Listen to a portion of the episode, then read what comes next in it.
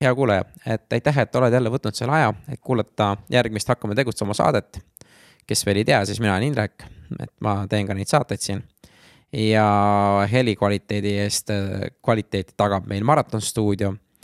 ja mul on hästi lahe tutvustada inimest, kes siis turundajate seas arvatavasti väga palju tutvustusi vaja on, härra Priit Kallas kes on olnud siis viimased kakskümmend neli aastat, nagu siin saates välja tuli, Äh, digiturundaja või turundusega tegelenud.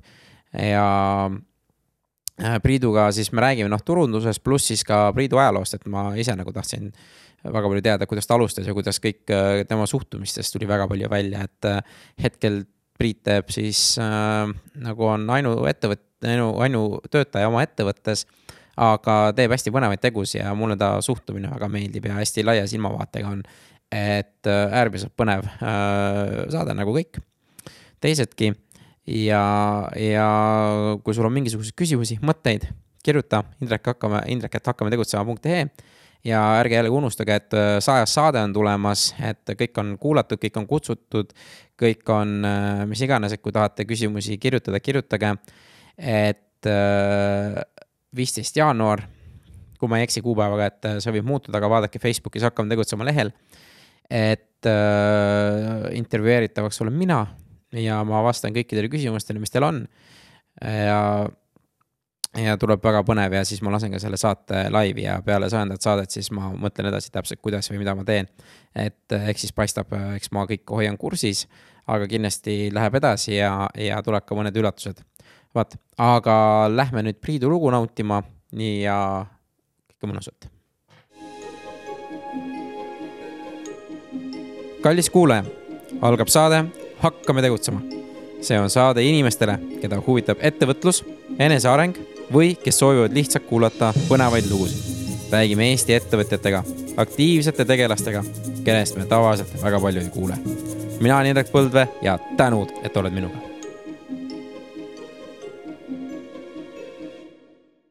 tere, Priit. tere, Indrek. räägi, millega sina tegeled? Mina, mina tegelen turundusega peamiselt siis valdavalt nagu digikanalites ja mm, no siis äh, viimased umbes kakskümmend neli aastat või midagi taolist. et äh, alustuseks oli küll jah, et natuke aega tegelesin tavalise turundusega nagu reklaamiagentuurina, et kuskil kaks tuhat või ütleme üheksakümmend kuus kuni kaks tuhat kaks lõpp ehk siis noh, ütleme kahe tuhande kolmandani, siis ma tegelesin natukene niisuguse tavapärase reklaamiagentuuri juhatamisega. ja, ja siis pärast seda nagu peamiselt, või mis peamiselt, pärast seda siis ikkagi puhas digiturundus, et mm aga noh, praegu on ka see, et üha rohkem ja rohkem me seda turundust ongi digi, eks ole, et, et noh, ütleme või mõned, mõned suured brändid taovad veel telet, on ju, mis on nagu brändingu mõttes äh, nagu hea mõte siiamaani, on ju. aga, aga et noh, seda ajalehereklaami ja mm, telefonikataloogi täna enam väga palju ei, ei tehta, eks ole tegelikult jälle mõnes mõttes ta võib teinekord isegi töötada päris hästi, kui sa oskad seda hästi ära kasutada, vaata. ja mul, mul üks äh, tuttav äh, turundaja teeb noh, niisugune otseturundust ja, ja tema oskus on saata sulle nimega nimega paberitükk postkasti, onju. ja tema käest ma kuulsin seda mõtet, et, et see on efektiivsemaks läinud, sellepärast et kuna vähemad teevad seda siis äh, et nüüd vanasti oli see, et no sul ei olnudki muud võimalust, sa surusid jälle mingis rajoonis oma mingid lendlehed kuhugi postkasti, aga kuna täna üritatakse seda kuidagi digis teha, siis paberit postkastis on kas just vähem, aga seda, see nagu on pidavalt olema efektiivsem praegu. kui sa oskad seda nagu tööle panna. aga räägi, kas sa seletaksid üldse lahti, mis turundus üldse, mis see tähendab, et mis sinu jaoks nagu turundus on? no minu mõte on nagu see, et me mõjutas, mõjustame, mõjutame inimesi tegema mingeid asju, mida me tahame, et ta teeks, et noh, selles mõttes, kuna ma valdavalt töötan firmadega, eks ole, siis noh, peamine, mida me tahame, et ta ostaks meie asju, eks ole. aga ütleme, kui me oleme koerte varjupaik, on ju, siis me tahame A, et ta tuleks, võtaks meilt näiteks koera B, me tahame, et näiteks nad käiksid äh, koertega jalutamas. C, me tahame ikkagi, et nad ostaks meilt õnne selles mõttes, et noh, annavad meile raha ja on selle tõttu õnnelikumad, et nad said koerte varjupaika toetada, eks ole. et äh, aga lõppkokkuvõttes on nagu me tahame mingit sorti muudatust inimese käitumises, eks ole. noh, me oleme kunagi teinud ka, ma ei tea, näiteks sotsiaalse võrdõiguslikkuse kampaaniat, eks ole. ja seal on siis mõte see, et me paneme inimese mõtlema korraks sellele mõttele eks ole. ja, ja siis noh, kas sealt nüüd kohe mingi muutus tuleb, aga kui sa seda taot piisavalt kaua, siis tuleb see muutus ka, eks ole mm. Ja see on väga, väga huvitav, et noh, ei no kogu, kogu elu on meil kuradi turundus tegelikult osaliselt, noh nagu. no, müük, no. no mul, mul kunagi sellest reklaamiagentuuri päevis, päevist, mul oli selline tüüp tööl nagu Jan Kaus, kes on üks kirjanik ja, ja siis, kui ma oma sihukest küünilist müügijuttu seal rääkisin, siis ta küsis mu käest, et kas siis ema müüb rinnapiima oma lapsele õnne eest nagu, et mm., et jah, on vastus et, et meil on, see on meil lausa evolutsiooniliselt pähe krutitud, see kruvi, et, et. et see on, ei see on väga, minu meelest oli isegi see Sigmund Freudi poeg või, või vend oli see, kes üldse selle reklaami ja sellele üldse nagu nii tõhusalt nagu selle aluse pani no eks nad kõik, kogu see värk hakkas sealt, see niisugune psühholoogia areng, eks ole, hakkas sealt kuskil sada aastat, paar natuke tagasi pihta, eks ole. ja no ega turundus ongi ju põhimõtteliselt rakenduspsühholoogia, eks ole, et, et, et me üritame teha mingeid tegevusi, mõjutada inimesi midagi tegema, kas sa tahad, et inimesed tuleks sinuga koos kinno äh, või tuleks su sünnipäevale või ostaks sult mingi asja ära, et lõppkokkuvõttes sa ikkagi veenad neid midagi tegema, eks ole? Et noh, ütleme nüüd täitsa konkreetselt nagu eraldi haru sealt, eks ole, siis on läbirääkimised, eks ole, seal me juba kaupleme mingite tingimuste üle ja nii edasi, eks ole. aga turundus peaks olema see, et ta toob kohale ja äratab huvi, eks ole ja siis juba ülejäänud on juba sinu teha, onju, et, et, et kuidas sa seda suudad nii-öelda convert ida või siis mm -hmm. nagu, et, et äh, panna teda kas siis ostma või mis iganes see tegevus ja. ka ei ole, onju. jah, et noh, lõppkokkuvõttes ongi, eks ole, turundus on noh, laias laastus rohkem nagu see pasuna pool, et me hõikame välja ja, ja mõjustame, et tuleks kohale. ja siis ütleme, siis tuleb meil see müügiosa, eks ole, ja siis müügi käigus toimub ilmselt siis mingi läbirääkimisprotsess või noh, mõnikord toimub, mõnikord ei toimu. ma ei tea, kui sa Prismas küsid, eks ole, kassa tädi käest, et kas Eh, kas saaks selle piima täna mingi odavamalt, on ju, et, et siis tõenäoliselt ei saa, aga mõnikord saab nii ka no kunagi ei tea, onju, tuleb küsida, vaata. ma olen seda asja õppinud oma elus juba nüüd, et kui sa ei küsi, siis on alati vastus ei. see on täpselt nii, jah. et äh, ja no ja, ja selle, ja sellepärast ongi hästi raske alati küsida, vaata, aga samas, mida rohkem sa küsid ja just siukseid, kuidas ma ütlen äh,, keerulisemaid küsimusi, ongi noh, Prisma kassas sa ei küsi allahindlust, noh, sest see on umbes, et see on nii loogiline, et sa ei küsi seal, aga tegelikult, mis siis juhtub, kui sa hakkad, hakkad iga kord küsima, noh? Et äh, võib-olla vaadatakse sind kui kuradi hullu ja seda, aga ükskord see juhtub, et sa saadki mingisuguse viis prossa all, noh. Aga.... no ja, ja see oleneb ka, eks ole, kus kohas sa küsid, eks võib-olla Prismas ei saa, eks ole, aga, aga mingis teises poes saad, eks ole, võib-olla omanik ise leti taga, eks ole. Mm. -hmm. ma täna rääkisin ühe mingi hotelli inimesega, eks ole noh, see põhipoint on selles, et kui sa booking.com'is book'id omale hotelli, eks ole, siis mingi viisteist prossa, kui ma ei eksi, no mingi, mingi sealkandis on see number, mis läheb siis booking.com'ile, eks ole ma ütlen hotellile, kuule davai, teeme nii, et sa teed mulle kümme prossa allahindlust ja sina saad viis prossa rohkem ja mina saan kümme prossa odavamalt, et kõik on nagu võidus, eks ole. ja, ja seal ongi, tuli välja, et tihti on see probleem, et need teenindajad, kes nagu letis on või kes siis suhtlevad kliendiga, et nad kas ei julge või, või noh, nad ei tea, kuidas sellele vastata, eks ole. Samas omanik mõtleb, oh pagan, miks ta nüüd seda siis ei võtnud eks ole, et aga no ja ongi, noh, see on sihuke ja no ma ütlen, et ei saa kunagi paha olla nende teenindajate taga, et umbes, et nad ei teinud, aga pigem nad ei, ei teagi, vaata yeah,. et yeah., et aga noh, see ei tähenda jälle, et sa küsima ei peaks ja mm. teinekord veel, et, et mul on ja mul, mul on üks teine podcast ja Veiko Valkjainen, ma ei tea, kas on tuttav, et tema ka noh mulle, ma olen temaga viimasel ajal hästi palju nagu suhelnud ja, ja temal on ka oskus, et ta küsib alati, kas siis allahindlust või mingit sihukest, et mitte noh. ja jumala pull on vaadata, et siis antaksegi ja siis tehaksegi ja, ja mõnes kohas, et äh, kas sa tead, et see allahindlus antakse ainult kliendikaardiga, aga tegelikult äh, ta ütles, et mul ei ole kaasas täna, aga ikka tehakse no.. ja seda küll jah, et, et äh, no, ja noh, teine asi on see, et näiteks kui sul ütleme, mingi kampaania lõpeb, ütleme täna Lähed homme poodi, ütled, ma jõudsin hilja, et müüge mulle see eilse hinnaga, onju. et no nad peaks olema ikka väga rumalad, kui nad selle tõttu jätaksid tehingu tegemata, eks ole, et, et eh, noh, sellised asjad. aga see, et sa küsid midagi nagu lihtsalt niisama, on ju, eh, seal on nagu, eks noh, see on ka see, et kuidas sa küsid, eks ole, mm. ja, ja noh, et noh, sa nagu iseenesestmõistetavalt küsid, aga mis mõttes, et ei saagi, tundub nagu loogiline, eks ole et noh, siin oli mingi, mingi Comedy Club oli kuskil mingi stand-up'i üritus, eks ole, piletid olid välja müüdud, noh, lapsega koos läksin, mul on kuueteistaastane poeg ja siis läksime sinna ja, ja siis äh, mõtlesin, et no kuidagi ikka sisse saab, onju. ja, ja siis läksin sinna, noh, kuna see, kes pileteid müüs, oli tuttav, siis ütlesin, et noh, pileteid saab või? No vaatame. No ja siis sai piletid, eks ole. Mm.. ja, ja siis äh, noh, laps ütles, oi, see on nagu mingi see Jedi Matrix on ju, aga noh, tegelikult see oli nagu nii iseenesestmõistetav, mul ei olnud isegi kordagi mõtet, et ma ei saa neid pileteid, eks mm. ole. ses suhtes see oli mingi niisugune informal situation, eks ole, inimesed olid mingis äh, niisuguses kõrtsi moodi ruumis koos, on ju, kohti mm. oli.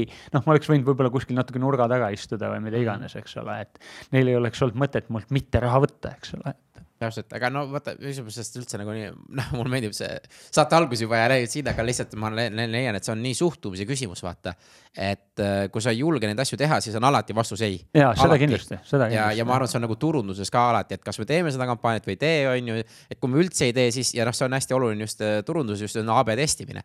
et, äh, et me, milline kampaania töötab, no ma ei tea, milline kampaania töötab, on ju, et ega, ega see, et, et ma arvan, sul on samamoodi, kui klient küsib, kuule, aga milline kampaania töötab, tee nüüd, tee nüüd mulle kampaania, mis toob mulle miljonit sisse. no vot, vot, vot, et see on nagu selles mõttes päris hea, et, et turunduses nagu või no mitte turunduses üldse igal pool, aga kui ma sulle raha annan, on ju, siis ma ju nagu tahan midagi vastu saada. turunduses siis turundaja nagu teoreetiliselt ütleb, et äh, siis sa saad müüki või, või mingit ja. tulemust, eks ole ei ole päris nii. vaata, point on selles, et ma võin teha kõige paremad asjad oma oskuste järgi ja me saame kõik su raha kulutame ära ja, mitte midagi ei tule tagasi, eks ole. ja siis no ühesõnaga, elu on risk, vaata, et äh, kui kui, kui, kui see asi töötaks, et keegi saab sulle anda garantii, on ju, et teeme teeme turunduskampaania ja see sada prossa kindlasti toob raha tagasi, eks ole, siis äh, ma võiks ju ise selle ära teha, no siis hakkan sama asja müüma ja nii edasi, eks ole. aga iva on jah selles, et äh, turunduses noh, ilmselt kellel on rohkem kogemusi, saab natuke suurema protsendi õnnestumisi ja kellel on vähem, saab võib-olla natuke vähem. aga kõigil on fail'e, et, et selles suhtes ja kui nüüd äh, näiteks noh, turundajatel üldiselt ütleme nüüd äh, turundusspetsialistid ja mingid turundusjuhid on ju, neil on ettevõttes kõige lühem karjäär et, et ma Eesti kohta ma ei oska öelda, aga ma kunagi nägin mingit äh, niisugust, vist oli Ameerika uuring, on ju. ja et siis see CMO on ju, või äh, Chief Marketing Officer on ju, et selle mingi äh, vist oli kakskümmend kaks kuud või midagi taolist, on ju. kuule, kakskümmend kahe kuuga sa ei saa alati mingid nagu seo tulemused hakkavad vaikselt pead tõstma alles, eks ole. et kui selle aja peal on tüüp juba ametit vahetanud, siis tekibki see olukord, eks ole et äh, turundajal ei olegi mõtet teha pika perspektiiviga tegevusi. ta proovib ainult neid nii-öelda taktikalisi, mis võiks Google Ads ja ma ei tea, Facebooki reklaamid, mis võiks kohe tuua tulemust, on ju. aga mingid asjad, mis nagu laovad vundamenti, ütleme sisuturundus, seo asjad ja mingid selline kliendi ehitamine, kliendibaasi ehitamine, meililistiga ja täpselt, eks ole. et need asjad, need, need võib-olla toovad tulemust järgmisele turundusjuhile, on ju. et, et ja. siis nagu siis, siis ongi, et noh, tihti eh, ma olen oma töös näinud nagu selliseid asju, et noh, tuleb uus turundusinimene, teeme uue logo et noh, jah, et, äh, et see on äge asi, vaata risk on null, on ju, logo saab valmis, fakt on see, on ju. ja, ja, ja, ja, ja, ja, ja siis nagu töö on tehtud ja ega inimesed on natuke rõõmsad ka, et nüüd on natuke uuemat moodi see asi ja, ja nii edasi, on ju. kas sellel kõigel mingi mõte oli, see on iseküsimus, on ju. sama on näiteks veebilehtede uuendamisega, et, et sa võid võtta ükskõik millise veebilehe ja seal on vead. nii noh, ma olen nüüd uus inimene, tulen, et oh, nüüd, oi, siin on kõik need veeb on nii kohutav, onju. no arendusega samamoodi, kui sa võtad endale uue progeja, onju, siis see vana progeja ilmselt oli, ta tegelikult ei olnudki progeja, ta oli kuduja, aga ta lihtsalt tegi sulle selle progeja, onju. et noh, seal see, see on nii pehme valdkond, et seal ei ole neid fakte nii tugevaid, eks ole ja, ja siis ongi, teeme uue veebilehe miks, kas uus veebileht toob meil rohkem käivet või, või mida, eks ole. et see on mingi see veebi optimeerijate nagu selline, kuidas ma ütlen, kuldnäide on see Mark and Spencer et Mark and Spencer tegi omale uue siis e-poe või no siis selle e-keskkonna põhimõtteliselt, eks ole, globaalselt. maksis äh, sada kaheksakümmend miljonit euri vot veebilehe eest nagu hea, hea küsida. siis meie küsime on ju viis tuhat eurot. no, no ilmselt oli seal mingi komplekssust ikka oli, onju, aga neil on ilmselt mitu poodi ja värki, onju. aga tulemus oli, müük langes kaheksa prossa e-poes et, et noh, ja seal oli mingid no ikka kolossaalseid ämbreid, nagu mingis kohas ei saanud asju korvi panna ja nagu niisuguseid reaalseid nagu praaki oli palju, eks ole. aga, aga et noh, ütlemegi nii, et, et seal eh, üha vähem ja vähem tehakse selliseid asju, teeme uue te,, küpsetame uue koogi, on ju. et pigem, pigem on niimoodi, et me hakkame noh, kuidas agiilselt tegema neid asju, eks ole. me tuunime igat asja kogu aeg, kogu aeg paremaks ja siis noh, mingil ajal võib-olla tõesti on vaja ka mingi suurem portsaks ära parandada või ümber teha. aga, aga noh eh,, nii sa, sa kogu aeg testid, katsetad, proovid, vaatad, näe, see töötab, see ei tööta, eks ole. jälle, kui mingi asi töötab, okei okay,, saame aru, paneme kirja, teeme edaspidi ka, eks ole. samas kui, kui mingi asi ei tööta, siis on vaata kaks võimalust, on ju. Üks võimalus on see, et ta ei tööta ja teine võimalus on see, et sa ei oska seda tööle panna. Mm. ja, ja siis sa kunagi ei tea, aga noh, lõppkokkuvõttes, kui ta sul tule, tulu ei too ehk viib raha välja, eks ole, siis vahet ei ole, lõppkokkuvõttes, kui sa ikkagi ei suuda seda käima panna, siis paned ta kinni, eks ole ja, ja noh, selliseid asju turunduses tuleb muidugi tihti ette, et oh, me proovisime seda või teist, on ju, ja see ei töötanud, on ju. noh, tegid mingi ühe asja, eks ole, see ei töötanud. et noh, ma ise olen lumelaudur, on ju. et see, see aeg, kui ma ennast lumelauduriks julgesin nimetama hakata, see võttis umbes viis aastat aega, on ju ja siis on mõni sõber, et oo oh, jaa, ma ükskord panin lumelaua alla ja ei, see ei ole üldse minu ala, et, et noh et, come on et, et no oletame, ta näiteks suusatab praegu, eks ole siis eh, mis ta suusatamist ta ilmselt lihtsalt hakkas viieaastaselt õppima ja lihtsalt ta ei mäleta seda, et ta kogu aeg oli pikali, eks ole, sama on turundusega või noh, kõigega tegelikult. ma arvan, et see algus, algus ongi just see kõige, kõige olulisem, aga noh, sinu selles vestluses oligi just hea vihje just inimesed, kes lähevad turundusse, et, et turunduse kohale, et äh, ennem uurige, mis eelmine turundusjuht tegi, vaata. kas saate töövilju ise nautida või hakkate või tuleb teine koht võtta, et palju ta SEO-sse, mis blogisid tegi ja. aga, aga logi, äh, logode tegemises mul kaks minu lemmikfirma, äh, kaks minu või üks minu lemmikfirma on mm. siis logode tegemisfirma. minu arust on need Suurbritannias baseeruvad ja äh, Nad on siis teinud Accenture'i logo mm. ja siis nad on teinud British Petroleumi logo ja need on maailma kaks kõigi aegade kallimat logo. Need on suutnud müüa kaks korda järjest logose hinnaga üle saja milli. ehk siis äh, noh, selge on see, et ilmselt need ei olnud ainult seda logo, et ilmselt oli paar lehte paberit ka, et kuidas, kus seda kasutada võib ja mis värvid need on, onju.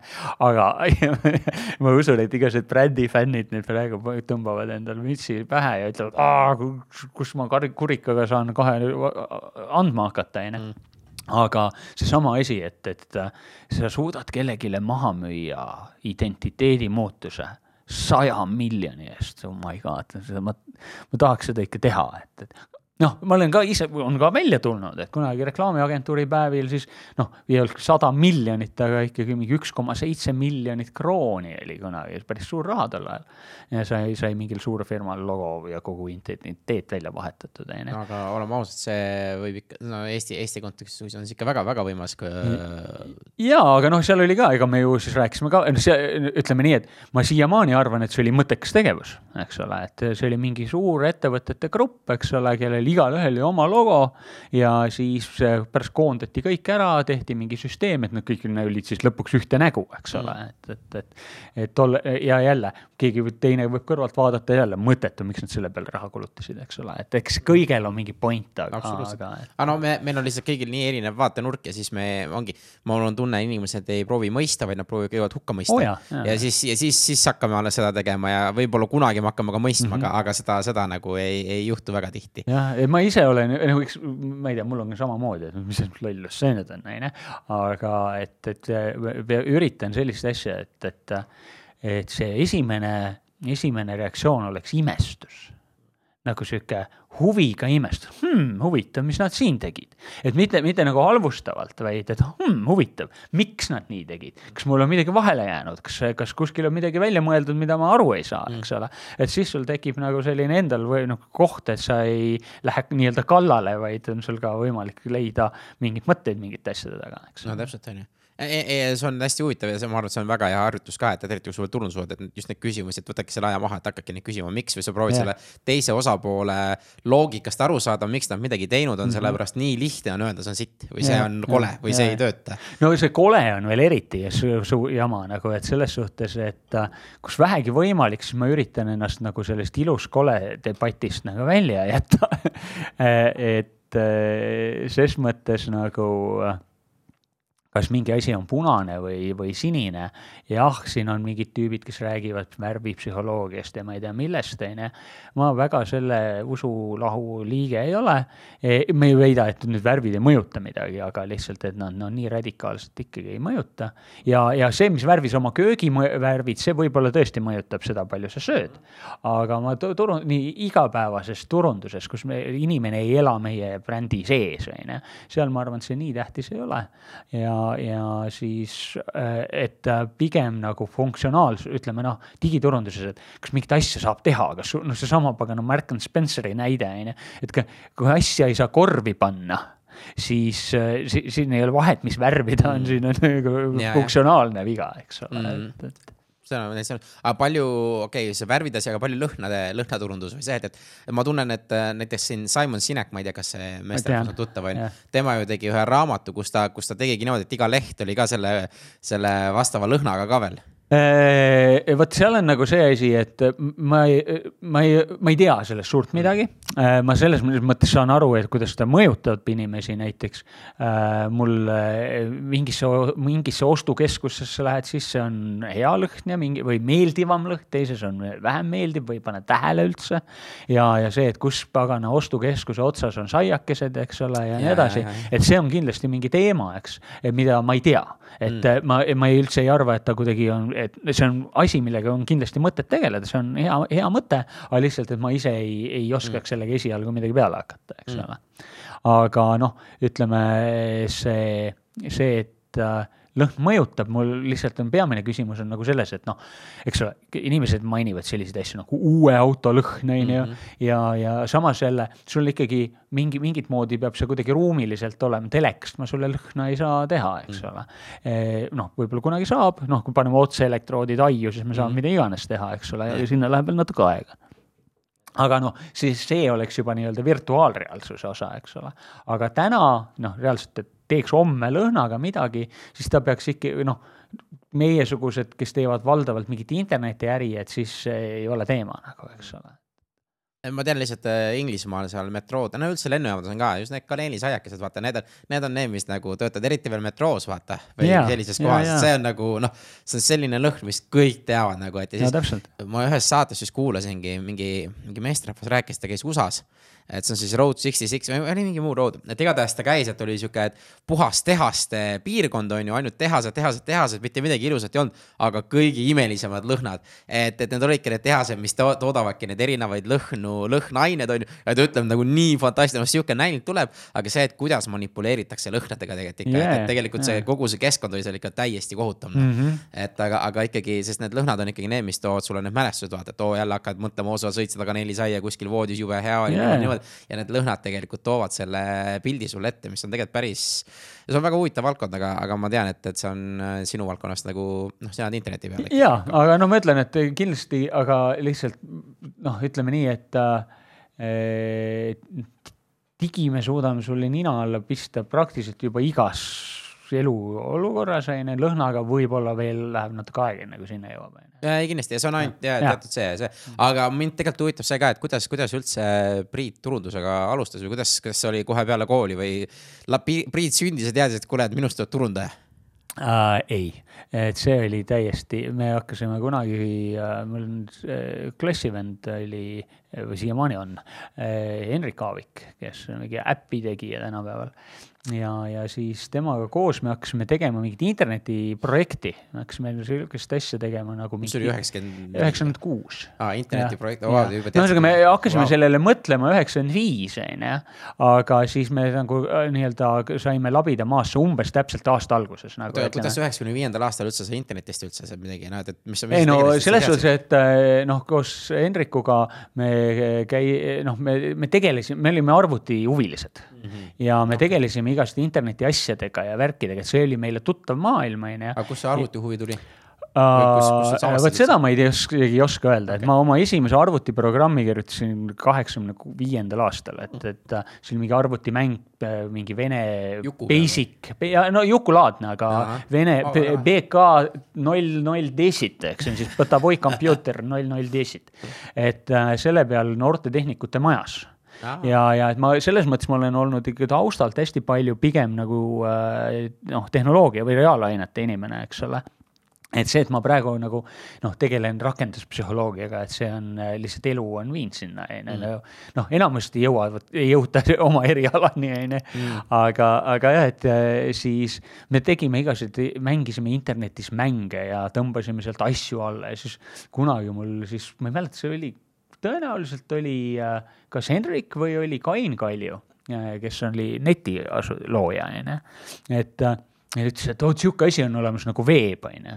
et see noh, me tol ajal oli must ekraan, rohelised tähed, on ju, nagu internet käis niimoodi yeah., et sa FTP-ga download isid faile ja mingi sihuke värk. ja siis ta ütleb, et tekst on ja siis on pildid ka. ma mõtlesin, mismoodi need pildid saavad olla, need on ju nii suured, et need ei tule ju kunagi alla, eks ole mm.. et noh, seal oli nii, et sa panid mingi väikse asja õhtul tõmbama ja hommikul jõudis kohale, eks ole ma mäletan neid flop'e. no ja siis ma nägin oma esimest internetilehte, see oli siis tõenäoliselt, ma arvan, kuskil noh, nagu veebibrauseris, äh, ma võin mööda panna, aga ma arvan, see oli üheksakümmend neli lõpp äkki või kuskil seal, on ju. üheksakümmend viis al-, kes alguskandis, no kuskil sealkandis, mm. on ju. ja, ja siis ma mõtlesin, vau, on ju. see oli mingi, keegi oli kirjutanud äh, mingi Hitchhiker's Guide to the Galaxy mingi äh, review või asja no, sinna okay. see pilt, see pilt, mis seal oli, seal pildi peal oli nelikümmend kaks kirjutatud. elu mõte. ja, ja täpselt. ja siis äh, ja nüüd mul, ma üks, üks päev käisin ema äh, keldrit koristamas ja ma leidsin selle faili välja trükitud kujul, lase, laseprindis, see on, ma nägin esimest korda veebi ja ma trükkisin selle välja ja mul on olemas esimene kord, kui ma veebilehte nägin paberi peal olemas no,. see on eriti äge, raamistada ära. ei, see, jaa, kusjuures ma vaatasin seda, mul on praegu kuskil asjade seas, aga ma mõtlen täitsa, et selle võiks panna raami, raami on, sisse, et, et. see on nagu meeletu, lapsele räägid. ma isegi ei, ei taipanud vaadata, et vanasti võib-olla printer äkki pani sinna veel mingi kellaaja ka peale, et siis saab täpselt teada, millal see oli, eks. see pidi, see paber on ka veel see, mis on lahti rebitav või? Ei, see oli ja ikka tol ajal me ah,, okay. ma tegelikult me koos Henrikuga töötasime ka veel arvutifirmas, müüsime laserprintereid, HP omi. nii et meil oli printimistehnika oli meil väga okei okay,, et okay, selles suhtes okay. täitsa, see tänane mustvalge printer teeb täpselt sama jälge, mis tol ajal mm., no väike erinevus sinna-tänna, aga. et seal väga palju muutunud välja arvatud tehnika on. ja noh, tindiprintereid müüsime ja kõiki siukseid asju, et, et ja, ja siis mingi aeg tekkis see mõte, et me hakkame tegema siis ettevõtete kataloogi äh, internetis ja siis. sama, mis Mass tegelikult tegi. tema tegi sama.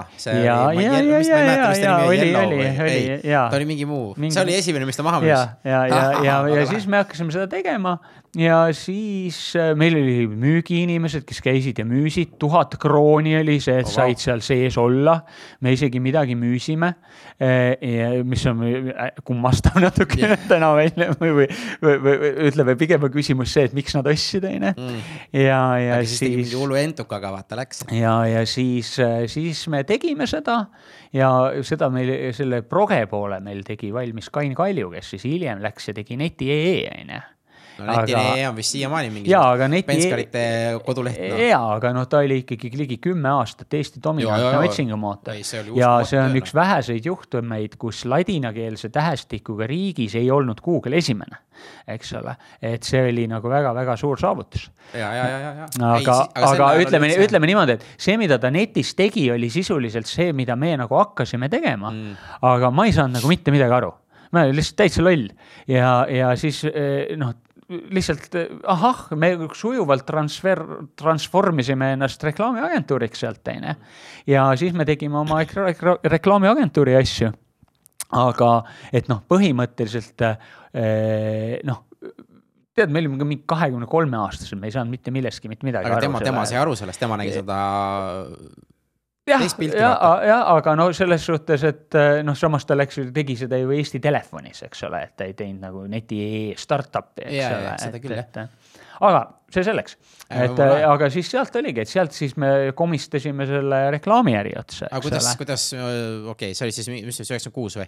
see oli jah, üheksakümmend kuus, okei reklaamiäri, et, et oota, mis see, ma mõtlen, ma proovin seda, okei okay,, ajad olid teised, aga Nii. seda mõtlemist lihtsalt kuidagi, et kuule, et äh, tegime mingit arvuti asja, kuule, aga teeme nüüd reklaami asja ka. seal, seal ongi nagu see, et noh, ikkagi inimesed, noh, need, kellega me suhtlesime, nad said aru, et me teeme mingit turundusvärki no,. Okay, ja siis see küsimus oli, aga teete reklaami ka vä?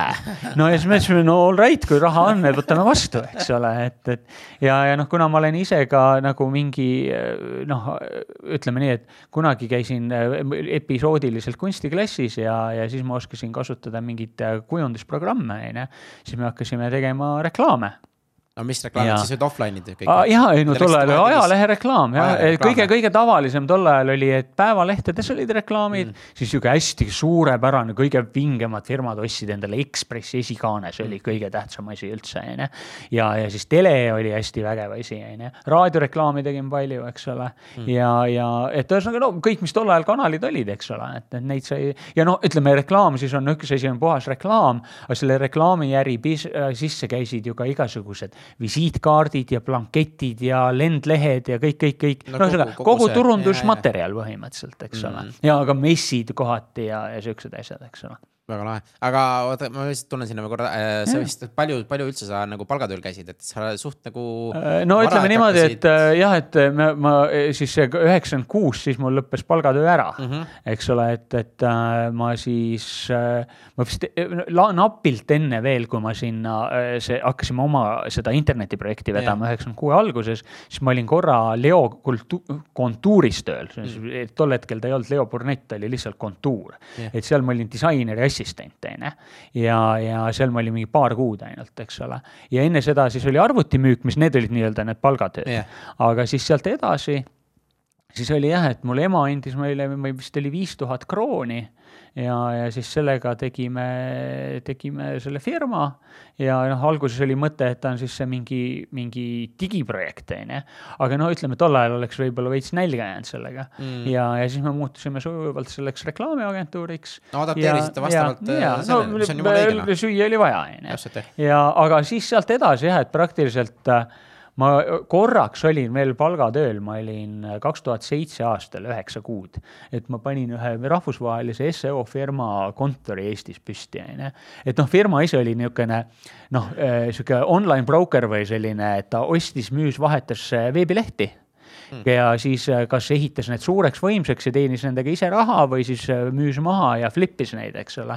ja, ja siis sellel oli, mul oli Eestis, tegime kontori ja seal siis olid need inimesed, kes seal töötasid, olid siis nii-öelda nagu sai, veebihaldurid või saidi haldurid. Ja, ja need olid siis erinevate riikide omad, et mul oli nagu anekdoot oli firmas on ju, et eestlane, lätlane, leedulane, poolakas, Nederland äh,, Jaapan, Hiina, Türgi ja midagi oli veel, üheksa, üheksa tükki, on ju. ja, ja siis äh, selle me panime seal käima ja äh, ettevõte ise oli mingi Rootsi, Rootsi firma. ja, ja siis, äh, siis noh, kuna mul tol hetkel see läbirääkimistega halvasti ei läinud, on ju, siis ühesõnaga need numbrid, mis ma sealt palka sain, olid nii kosmo, kosmo, kosmoloogilised, on ju, astronoomilised mm., et, et nad lihtsalt vahetasid minu ühe oma keskastme juhi vastu välja, kes sai väiksemat palka, on ju. ja siis, et see, see oli tõesti ulmelised numbrid, no tolle aja kohta okay.. ja, ja siis äh, no ja siis ma hakkasin, äh, jätkasin oma internetiturunduse äri mm. ja siis ma olin tol hetkel, ühesõnaga äh,, enne seda, kui ma, noh, seal, seal, see oli siis ainuke koht, kus ma nii-öelda nagu palgatööl olin. aga enne seda mul siis äh, tegin natukene nagu veebidisaini äri ja siis veebi hosting'u business'it, veebiserverid, eks ole. ja siis äh, kunagi ma arvan, et see olla üheksakümmend viis, kaks tuhat viis kaks tuhat viis alguses tuli sihuke tüüp nagu Robin Gurney siia Eestisse ja siis ta hakkas siin äh, internetiturundusjuttu ajama ja siis küsis, et kas tal kampaania on oleks. siis me tegime sihukese asja nagu Altex marketing. aa, see on tuttav no vot, ja siis äh, temaga koos asutasime, seda me ka tegime niisugune paar, pool aastat umbes tegime koos. siis me nagu ei olnud mingit eriti klappi, läksime laiali, tegi, nemad, tema tegi Altexit edasi, mina jätkasin oma asja. ja noh, siis sealt edasi juba äh, siis, siis nagu valdavalt kõik mingi digiagentuur, digi, kõik, kõik digi, digi, digi ja turunduse, noh aga eh, point on lihtsalt ka see, mis ma, mille pärast ma seda palgatöö asja küsisin, ongi nagu sihuke huvitav, et sa oled nagu selleks ettevõtjaks suht nagu noored saanud, et kas see on nagu kas sul on vanemad ka ettevõtjad või, või kust see nagu tuleb, et miks sa noh, et, et miks noh, et. no, no ma elasin valdavalt emaga koos, on ju, aga et noh, ema oli, ta oli, ei olnud ettevõtja, et noh, selles mõttes selles vene ajal või noh, aga selles mõttes küll, et ta oli alturtšik. see tähendas, nad tegi, tegid mingit värki salaja, mida ei tohtinud teha, on ju. et, et nad tegid, minu ema ja ta õde tegid noh, juba isegi sellist asja, mille pärast isegi täna võib kinni minna. ehk siis trükkisid Adidase särke ja Mickey Mouse'iga särke ja müüsid ja. neid. ostsid nagu Marati särgid ja, ja. ja tegid sinna pildid peale, värvisid ära kõik no,. ettevõtlikud noh. ja, ja see, see osa on ju, aga noh, ütleme siis ema poolt jah, et nagu on see, et et noh, kokkuhoidlik ja kasinus on nagu suhteliselt mul, mul mingil määral on vere, veres, on ju. Mhm. ja, ja see, et ta numbreid, raha tuleb lugeda, on ju, et, et see ja, aga ma ei tea, ma jah, selles suhtes, et noh, kui nüüd päris rääkida sellest, mis mu esimene äri oli, siis ma kunagi ühe oma klassivennaga koos, see oli, ma arvan, me olime mingi kolmteist, neliteist, on ju. et äh, me, me olime mingi metalhead, eks ole, me, see oli selline asi nagu Plaadimägi. sul oli üks plaat sa siis läksid sinna plaadimäele ja vaatasid, sul on teine plaat, mida me tahaksin. siis me vahetasime neid, viisime koju, lindistasime kasseti peale ja järgmine plaadimägi siis vahetasime tagasi aga mida meie siis tegime, oli see, et me pildistasime neid mm. -hmm. ja siis me tegime, ma tegin, olen fotograafiaga tegelenud ka mingi nelikümmend aastat, on ju. et siis äh, me pildistasime neid ja müüsime neid plaadipilte ja nende bändi pilte ja siukseid asju siis äh, koolis ja, ja siis ma avastasin, muidu me tegime nagu niimoodi, enamus kõik tegid nii, et tegid pildid valmis ja siis müüsid. no ja kui sa teed vaata hunniku kaupa valmis, siis midagi jääb ikka kätte, on ju mm ma mõtlesin, et oot-oot, et see on nagu loll mõte, on ju. et äh, võtsin märkmiku ja tegin sellise, et noh, nii suur nagu see negatiiv on, see kolmkümmend kuus korda kakskümmend neli on see äh, millimeetrit mm. -hmm. panin filmid, pildid äh, siis nagu pildi peale ja lõikasin nad välja mm. -hmm. ja panin niimoodi, neli tükki oli lehe, märkmiku lehe peal, numbrid juures. see läks päeva alguses kooli peal ringi käima, õhtuks ma sain nagu mingi nimekirja tagasi ja siis kodus tegin need pildid valmis, järgmine päev tulime kooli, siis jaotasime need pildid raha vastu laiali, onju. ja noh, see oli niisugune nagu episoodiline esimene äri, mis sai tehtud et, et... no väga lahe, sihuke noor hustler noh. aga no ütleme sealt edasi siis, äh, kui ma olin äh, kümnendas klassis, noh, kümnes on siis põhi või keskkooli esimene yeah. klass on ju, oli mul. ma olin esimene, kellel oli kümnes, teistel oli üheksas. aga siis, kus üksteist ja kaksteist klass, et siis meil oli sihuke värk, et ettevõtlus oli järgmine, Soomes maksis viin palju Eestis vähe mm.. ja, ja siis, aga noh, me olime ju lapsed, me olime kuusteist, seitseteist, eks ole. ja siis oli niimoodi, et selleks, et Soome viisa saada me tellisime sellise reisi, no ikka firma oli, ma ei tea, võib-olla isegi praegu nagu East Music Team. Ja ta tegi muusika, kontsertreise Soome. Et Soomes oli mingi bänd, siis sa ostsid pileti, said viisa, said sinna, laevapilet, kõik värk korraldati ära. Ja siis äh, meie kogu asja plaan oli see, et me selle reisiga siis võtsime kaasa viis viina ja kaks šampust ja siis müüsime need tänava peal käest maha ja siis läksime kontserdi kohta ja müüsime pileti maha, sest see oli ultra kallis, see oli mm. nagu kosmiliselt kallis, noh, me e, vene, noh, aasta siis oli, ütleme, kaheksakümmend üheksa, mm. midagi taolist, on ju. ja, ja siis äh, niimoodi oligi, et, et see, see, see oli nagu väga nagu tulus äri. ja ma täitsa usun, sealt need profit marginaalid võisid päris hästi tulla. no ma erastasin kortereid ja ma ei tea mida ja see oli veel ekstra huvitav oli veel see, et kui nüüd, okei okay,, sa müüsid viina näiteks sada marka oli pudel, on ju, sa müüsid selle maha siis nüüd, kui sa võtsid selle sada marka siia tagasi ja vahetasid rubladeks, siis sa said mingi ühiku, no ma ei tea, mhm. ütleme mingi aeg näiteks oli kaheksa tuhat rubla, on ju. siis, aga kui sa ostsid selle eest tossud ja müüsid tossud maha, siis sa said rohkem. eks ole, sest tossud olid ise väärtus, eks ole. ja, ja, ja siis noh, kuna me seal Soomes käisime, siis mingi aeg ma hakkasin valuutaäriga tegelema. noh, jälle niisugune lapse, niisugune koolilapse tasemel, eks mm. ole, et mõni tuhat marka siin ja seal, eks ole, et, et. no mitte... aga ikkagi kaheksateist aastat no,. siukseid, siukseid summasid nagu ma mäletan, et noh kurat, kümme marka said ja viisteist marka said, et siis oli ikka kuradi täiesti, et noh, et, et tegelikult nii noorelt, nii suurte tegelikult summadega toimetada ja see on jälle see, et ise nullist need teinud põhimõtteliselt. et see on tegelikult ikkagi päris, päris muljetavaldav, noh aga jah, et noh, kuidagi, aga see oli kõik nagu noh, ütleme nii jah, et kuidagi isetekkeliselt, et ei olnud mingit eri, erilist plaani, et oh, kuule, hea mõte, teeks nii ja niimoodi ta oli. ei, aga vaata see, vaata mille pärast mulle siuksed lood just nagu meeldivad, just nagu läpsupõlvest, vaata see juba näitab sinu enda suhtumist.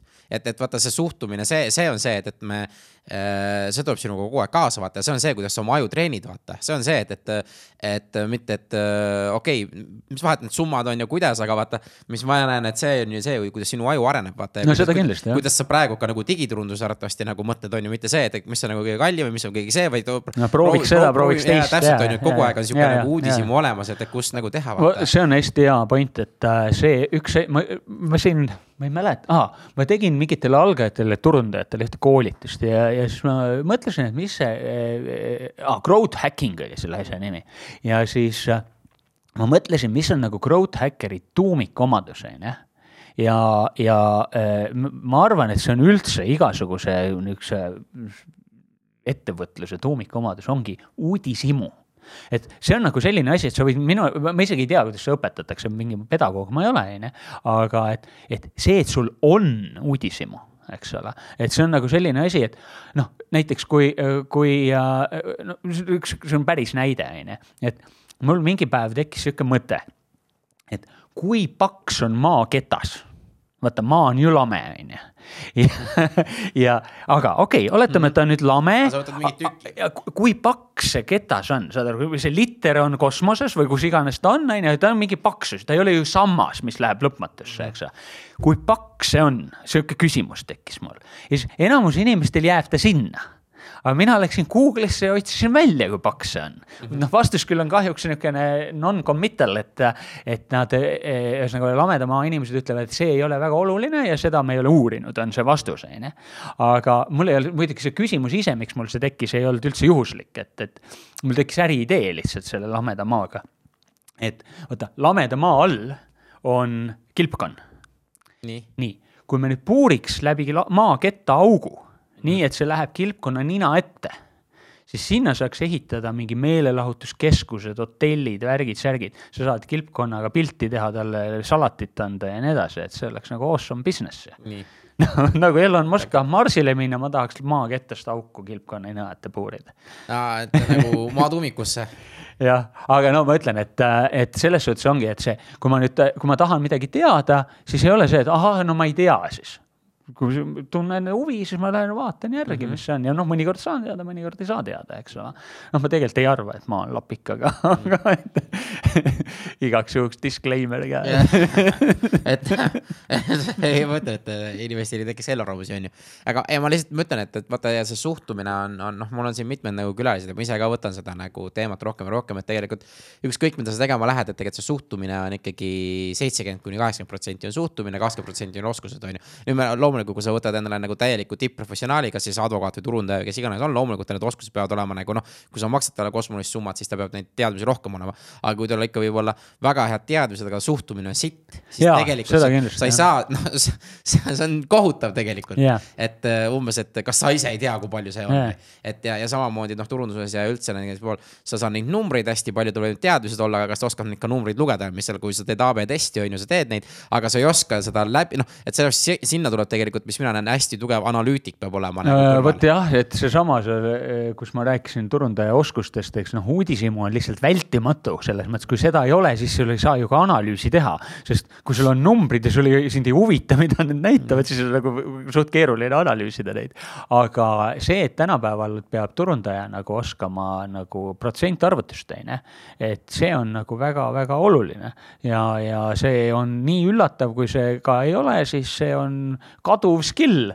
ja kui ma nüüd aru saan, siis krutitakse veel matemaatikatunde vähemaks ka koolis, eks ole, nii et, et eks ole, elu liigub nagu tehisintellekti ja mingi sinnapoole ja siis me võtame reaalteadusi nagu ainetest maha, et mhm. see noh, ma olen väga nagu reaalteadlast, teaduse fänn, on ju. et kuigi psühholoogia ei ole seda, aga ka kõik psühholoogilised uuringud, sa ei saa neid teha ju, kui sa statistikat ei oska või tõenäosusteooriast ei tea midagi, eks ole, et, et see noh, nii-öelda esi, esipsühholoog meil Daniel Kahnemann, eks ole mm., et tema ju ütles seda, et ta töötab statistiliste numbritega viimased seitsekümmend aastat enam-vähem või kuuskümmend, on ju. ja tal pole siiamaani tekkinud intuitiivset äh, oskust, ta peab alati nad läbi mõtlema, eks ole. ja, ja meil inimesed panevad puusalt nagu, eks ole mm., et, et et see on jah, et no vaata, see ongi, mina pole ka numbrite inimene, aga noh, ma leian inimesi, kes on numbrite inimene, kes suudab mulle lahti seletada lihtsas keeles, mis see tähendab, vaata, et. et ma sellest, ma, mm -hmm. ma arvan, et alati on mingi lahendus olemas, et yeah, see, see ei piisa. aga, aga sellega ma olen nõus, vaata, et, et inimestel lihtsalt, kuidas ma ütlen, ei lähe nii süvitsi sisse, vaata et, äh, et ükskõik, mis, mis see ka ei ole, on ju, just nagu ma olen seda saanud aru enda selle turunduse asjast, et. et kui sa kuradi ikka numbreid ei oska lugeda või noh, sa ei, sa ei saa aru, mis see protsent tegelikult tähendab, et, et. et sul oli mingisugune asi toimus, nii palju protsente, aga tegelikult, mida see nagu päriselt seal taga tähendab no.? no siin mõni, eelmine kuu vist oli see Best Internet on ju, mhm. ja, ja, ja seal ma rääkisin, et mida mõõta on vaja ja, ja no see just enne seda ma sattusin ühte artiklit lugema, kus, et kui see, noh, oletame, et sina oled nüüd näiteks tegevjuht, on ju, mina olen turundaja. sa, sa tead, et no mingi turundusvärk on, aga no sa ei ole eriti ise käpp, käpp selles asjas, on ju. siis äh, suuremad numbrid võidavad mm aga enamasti need numbrid, mida sa tahad, on väiksemad numbrid. ehk siis noh, ma näitasin reklaami tuhat korda, see reklaam sai sada klikki ja sealt ma sain kolm müüki mm. see oluline number on see pagana kolm, kolm müüki, on ju. aga ma lähen taon trummi, oo, mul on reach on tuhat on ju. Mm. et, et noh, ja, ja siis ongi, eks ju, teine minusugune tuleb, ütleb, mul on kolm, on ju, siis vaatab, oo, sul on kolm, tal on tuhat, tema saab preemiat, on ju, noh. Mhm. nagu, et, et see, see asi on üks hästi suur probleem numbritega, et kui inimesed ei saa aru, mida mõõdetakse, siis suuremad numbrid valdavalt kipuvad võitma, et mm, -hmm et äh, see on ja seda eriti startup maailmas igal pool on nagu see on nagu hästi oluline just, et.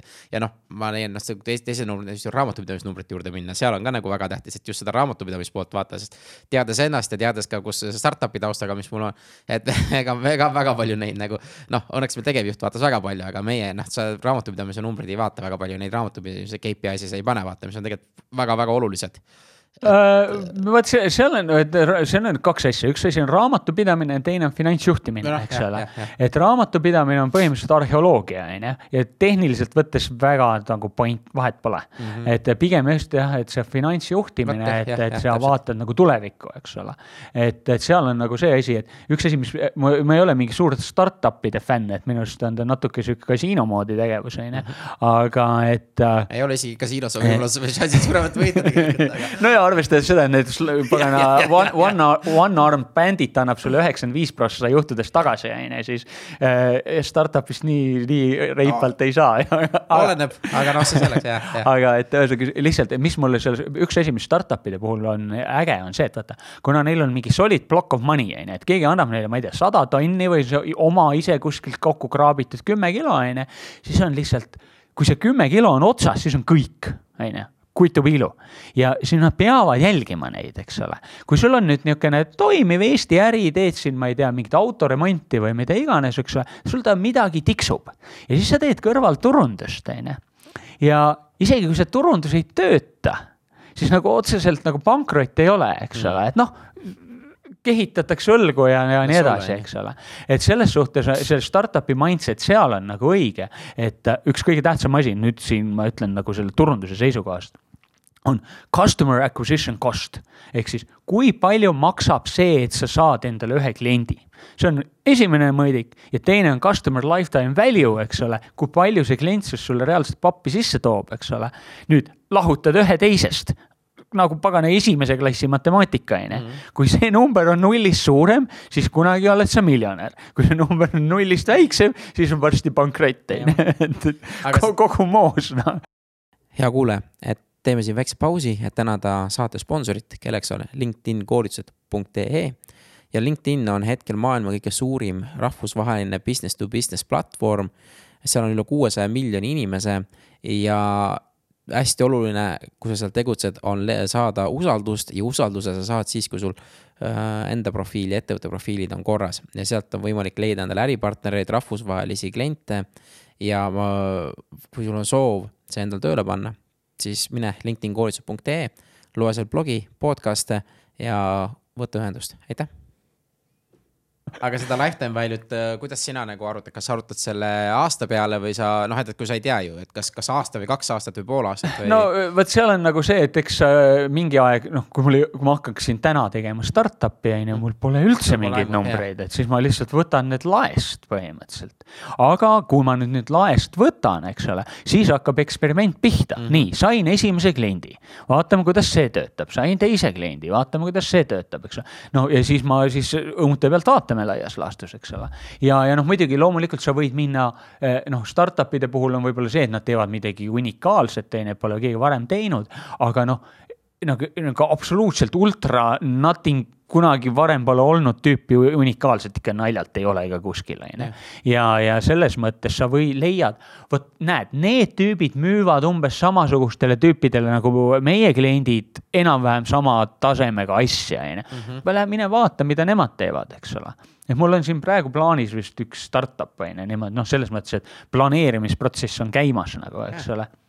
Ja, ja ma praegu mõtlen, et kes Eestis müüvad selliseid asju nagu mina või noh, sarnastele klientidele sarnases range'is, sellepärast et see, mida ma tegema hakkan, seda ei ole Mm. et ma ei saa vaadata, mida mõni konkurent teeb või mis, mis turul toimub, aga, aga kui ma räägin, siis jah, sellise ühesõnaga, sa otsid lähima võimaliku analoogi nagu, eks ole mm -hmm.. analoogid on selles mõttes hästi head asjad, et alati, kui sa mõtled, siis nagu see ja nagu teine, et see aitab nagu hästi-hästi aju käima saada ja aru pluss saada. on mingi nii-öelda iseenda jaoks mingi referents võtta ja noh, tegelikult üldse on hea, kui konkurendid on, sellepärast et konkurentide pealt saab siis vaadata, mida nad teevad ja paremini teha või. konkurentidega, ma olen natuke seda usku, et savi, mida need konkurendid mm -hmm. teevad.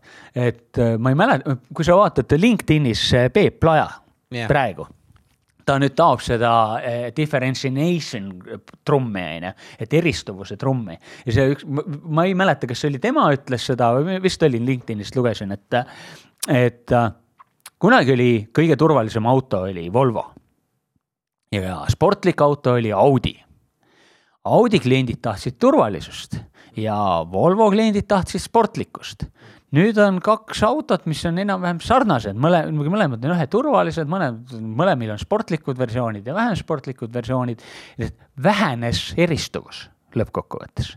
ja, ja tegelikult see, kui sa teed, no aa, kuule, näe, meie konkurent tegi selle, me peame ka selle tegema. ei pea, sa võid teha täiesti hoopis teise asja, mida konkurent ei tee, eks ole ja seal on muidugi ka oluline selles suhtes, et noh, kui ta teeb, tõesti sa leiad, et see on täiesti õige asi ja nii edasi, siis jah, aga ta võib-olla lihtsalt neil kukkus kuskilt kellelgi peast mingi mõte, oh tundub hea idee, teeme ära. sa isegi ei tea, kas see neile kasu toob, eks ole ja, ja üks teine asi, mis on, on konkurentide vaatamise puhul on see, et sa ei tea ju, mis nende plaan on. et iva on nagu ju selles, et mul üks klient, kellega ma turundust tegin, rääkisime temaga juttu, nad vaatavad, et nende konkurent kulutab hinnanguliselt viis korda rohkem turundusele kui nemad. ja kuna margin ei saa erinev olla, nad müüvad nagu standardset kaupa, on ju, siis see ei saa töötada, see, see mingi jama on selles nagu mingi, mingi, et ei, ei tööta. ja mis välja tuli, need tüübid pumpasid endale numbreid üles selleks, et müüa ennast maha. Ja nüüd, kui sa nüüd hakkad temaga konkureerima, siis lihtsalt selle pealt, mis välja paistab, eks ole, siis sa lähed sellega kaasa ja oled ise pankrotis, sest sul ei olnud seda lõppeesmärki, et mm. maha müüa, eks ole, et, et noh. et noh, sellised asjad, et ma jah, et ütleme niimoodi, ma isegi kunagi kirjutasin mingi artikli, mille nimi oli benchmarking is bullshit, on ju et just selles valguses, et eh, su missioon ja visioon ei saa olla parem kui mingi teine firma, eks ole. su missioon ja visioon võiks olla, olla äge asi mis on erinev ja põnev. või loob väärtust või mis iganes see ka ei ole, on ju, aga noh, konkurentide pealt on lihtsalt seda hea näha, et, et kuidas nad teevad et kas siis ise nagu teistmoodi, noh, kuidas eristuda või mis on see, et, et mis teil muudakse või noh, tegelikult idea, noh, mis ma tean, mis Amazoni tüübid teevad, on jube hea, et nad vaatavad, mis tooted seal müüakse ja mis on nende negatiivsed tagasisided, mis kliendid panevad. et siis äh, võtab seda, on ju, et meie, meie, meie toodet ja siis nad kirjutavad ka kirjeldusse, meie toodetel ei ole see ja see ja see. ja nad teevad noh, kõik need, mis yeah. positiivsed asjad on, aga siis me oleme parandanud ka need nagu mm -hmm. vanad, et mis, mis mina leian, on, on äärmiselt äh, intelligentne asi, mida teha, vaata, et kuidas nagu äh, panna teise nagu negatiivses enda kasuks tööle seda kindlasti ja, aga jälle, ega lõppkokkuvõttes noh, see Amazon on nagu seal toimub ju ikkagi see, et, et noh, ühtlustumine, sellepärast et nüüd tuleb ju see teine tüüp tuleb tagasi ja vaatab nende asja, et ahaa mm, -hmm. eks ole, ja, ja ega nad ise ilmselt loevad ka oma review sid, on ju. eks ole, et lõppkokkuvõttes toimub mingi ühtlustumine ja võibki olla see, et kingi tahetakse, et kingad, kingadel oleks kõigil mingi see omadus, on ju. Mhm. aga, aga noh, mingid vähe noh eristuvamad kaubad, noh, eks ole, mitte igapäevakaubad, seal võib-olla on ta nagu vähem oluline, aga no ühesõnaga, et lõppkokkuvõttes noh, Eestis on, ma ei tea, mingi tuhat raamatupidamisfirmat. Et äh, nüüd leia nüüd tuhat eristuvust, et see on sellepärast eriline, see on sellepärast eriline, aga üks asi on, et see, see kõigil firmadel on see eristuvus need inimesed, kes seal töötavad, eks ole. ja see on ainuke eristuvus, mis on nagu long term sustainable. sellepärast, et no ja loomulikult sul võib töötaja minna teise firmasse, aga see komplekt, kuidas sa teenust pakud, on ju ja mul mingid inimesed küll väitsid, et äh, klienditeenindus ei ole strateegia, on ju. aga noh, ma kujutan ette, kui sa nüüd mõtled selle oma äri peale, mis sul oli see sorry as a service, on ju, siis äkki on, on ju, et äh,. ma, ma vaidleks seal väga ja, tugevalt vastu, klienditeenindus on minu meelest on klienditeenindus ainuke viis, mis on tegelikult väga tugev strateegiline osa. ma läheks sinnasamasse auku selle mõttega, eks ole. eriti veel näiteks, kui ma, kui ma toon välja kullerettevõtted sellepärast vaata enamus kulleri ettevõtetega silmast silma suhtlus on sul ainult see, kui see kuller toob sulle paki ära mm -hmm. ja kui see kuller on eriti pain in the ass või noh, sihuke hästi ebameeldiv inimene, siis kogu selle ettevõtte maine läheb sinul nagu no ükskõik kui toredad nad telefonis on või ükskõik mis muud on, aga sa seostad kohe selle kulleriga, et see nagu kuller, kulleritele peaks tegelikult tegema väga palju müügi ja suhtlemistreeninguid nagu tohutult. no see frontline inimesed igal pool, eks ole. aga noh, see, tulles tagasi selle, et strateegia, eks ole, et noh, ainuke nagu miinus, mis on klienditeenindusstrateegial on see, et ühesõnaga sul tekib see olukord, et noh, ma olen, ma nüüd teen firma ja ütlen, et mul on hea klienditeenindus, on ju kõik ütlevad seda, et noh, selles -hmm. mõttes sa, sa ei saa ennem eristada, kui sa oled maha müünud, eks ole. et see, see on nagu keeruline, aga seal on näiteks see, see küsimus, ma ei mäleta, kes seda ütles, aga äh, äkki üks sihuke raamat äh, Peep Laja soovitas, on äh, Road Less Stupid hmm. ja siis ma arvan, et ma sealt kuulsin seda, et mõtle, milline oleks su äri siis kui sa, kui kõik kliendid, kes sulle ever on tulnud, oleks alles. eks ole, et see on nagu natuke vastus sellele klienditeenindusstrateegia nagu mõttele, eks ole, et, et või, või mõtle, kui sa saaksid müüa ainult nendele klientide või ühesõnaga saad ainult referraliga kliente nagu, et teine klient soovitab. Need mõlemad asjad on nagu selle klienditeeninduse poolega seotud, eks ole, et, et. ja üks, mis on veel, kui Google'isse panna thousand true fans ja, ja, ja, Seth Godinist, ei, see oli üks, ja, ja, ja, ja, ja. et ongi see, et sul tegelikult ja. ei ole vaja kui ainult tuhat äh, lojaalset mm -hmm, fänni ja mhm. tegelikult need toidavad sind elu lõpuni. aga. no seal on natuke nüüd oleneb äride skaalast ja, ka, eks ole. absoluutselt, absoluutselt, aga, aga noh, see point on ikkagi ja. see mm -hmm. nagu sama, mis mulle väga meeldis seal, et, et ma ei mäleta, kes seda kirjutas. Tim Ferris ka räägib sellest väga-väga palju, noh. aga, aga mul ei tule meelde, kes see, kes selle kirjutas. Sivers äkki või? ei teagi. no jah ja aga.... igatahes ja ongi noh, mis mis ma täna nagu vaatan veel nii klienditeeninduse kui, kui interneti peale, et ongi, et ka Eesti nagu ettevõtted, et nad ei, nad ei konkureeri iseendaga või no Eesti turuga, vaid nad konkureerivad maailmaturuga, et tegelikult yeah. kõik, kõik Eesti e-poed konkureerivad Amazoniga, noh mm. -hmm. ja kui sa ei tee sama hästi kui Amazon äh, klienditeenindus, siis tegelikult sul ei ole nagu võimalust ellu jääda siin järgmistel aastatel, noh väga-väga raske on, noh seda küll jah, aga nojah, klienditeeninduse see, see hea koht on ilmselgelt see, et kui ta on sul olemas, siis kliendid püsivad ja sa saad, vaata. noh, turunduses on ju see, et ma maksan selle eest, et see klient saada, eks ole, kliendi hankimiskulu, client acquisition cost on ju, aga kui ma teda rohkem ei pea hankima, ta lihtsalt ei lähe ära, ta on kogu aeg, on ju. siis, äh, siis ma, ma, ma võidan nagu megalt selle poole pealt, mis see acquisition cost on, eks ole mm -hmm.. pluss, kui me nüüd sinna lisame veel selle nii-öelda selle refereeringu, eks ole, et ta toob mulle veel nagu, soovitab sõpradele ise, eks ole, siis need kaks asja kokku võivad teha seda, et su client acquisition cost on, ma ei tea, kümme korda madalam kui konkurendil, eks ole. sest et tema ei saa klientidega hästi läbi ja kaotab neid, eks ole. täpselt, et see on hästi põnev, et me tegime, ma mäletan kunagi klientidele näitasime presentatsiooni, siis me panime, et tavalised ettevõtted mõtlevad klientidest nagu põhimõtteliselt need hotelli need uksed, mis keerlevad on. et äh, ühelt poolt tuleb sisse, teiselt poolt läheb välja, vaata. aga noh, see müügis on sama, et vaata, kui sa oled juba ühele kliendile või koostööpartnerile juba oma toote maha müünud, sul on kümme korda lihtsam talle järgmist müüa või upselling ut teha, sellepärast et ta juba teab, kas sinuga tasub toimetada, kas ei tasu.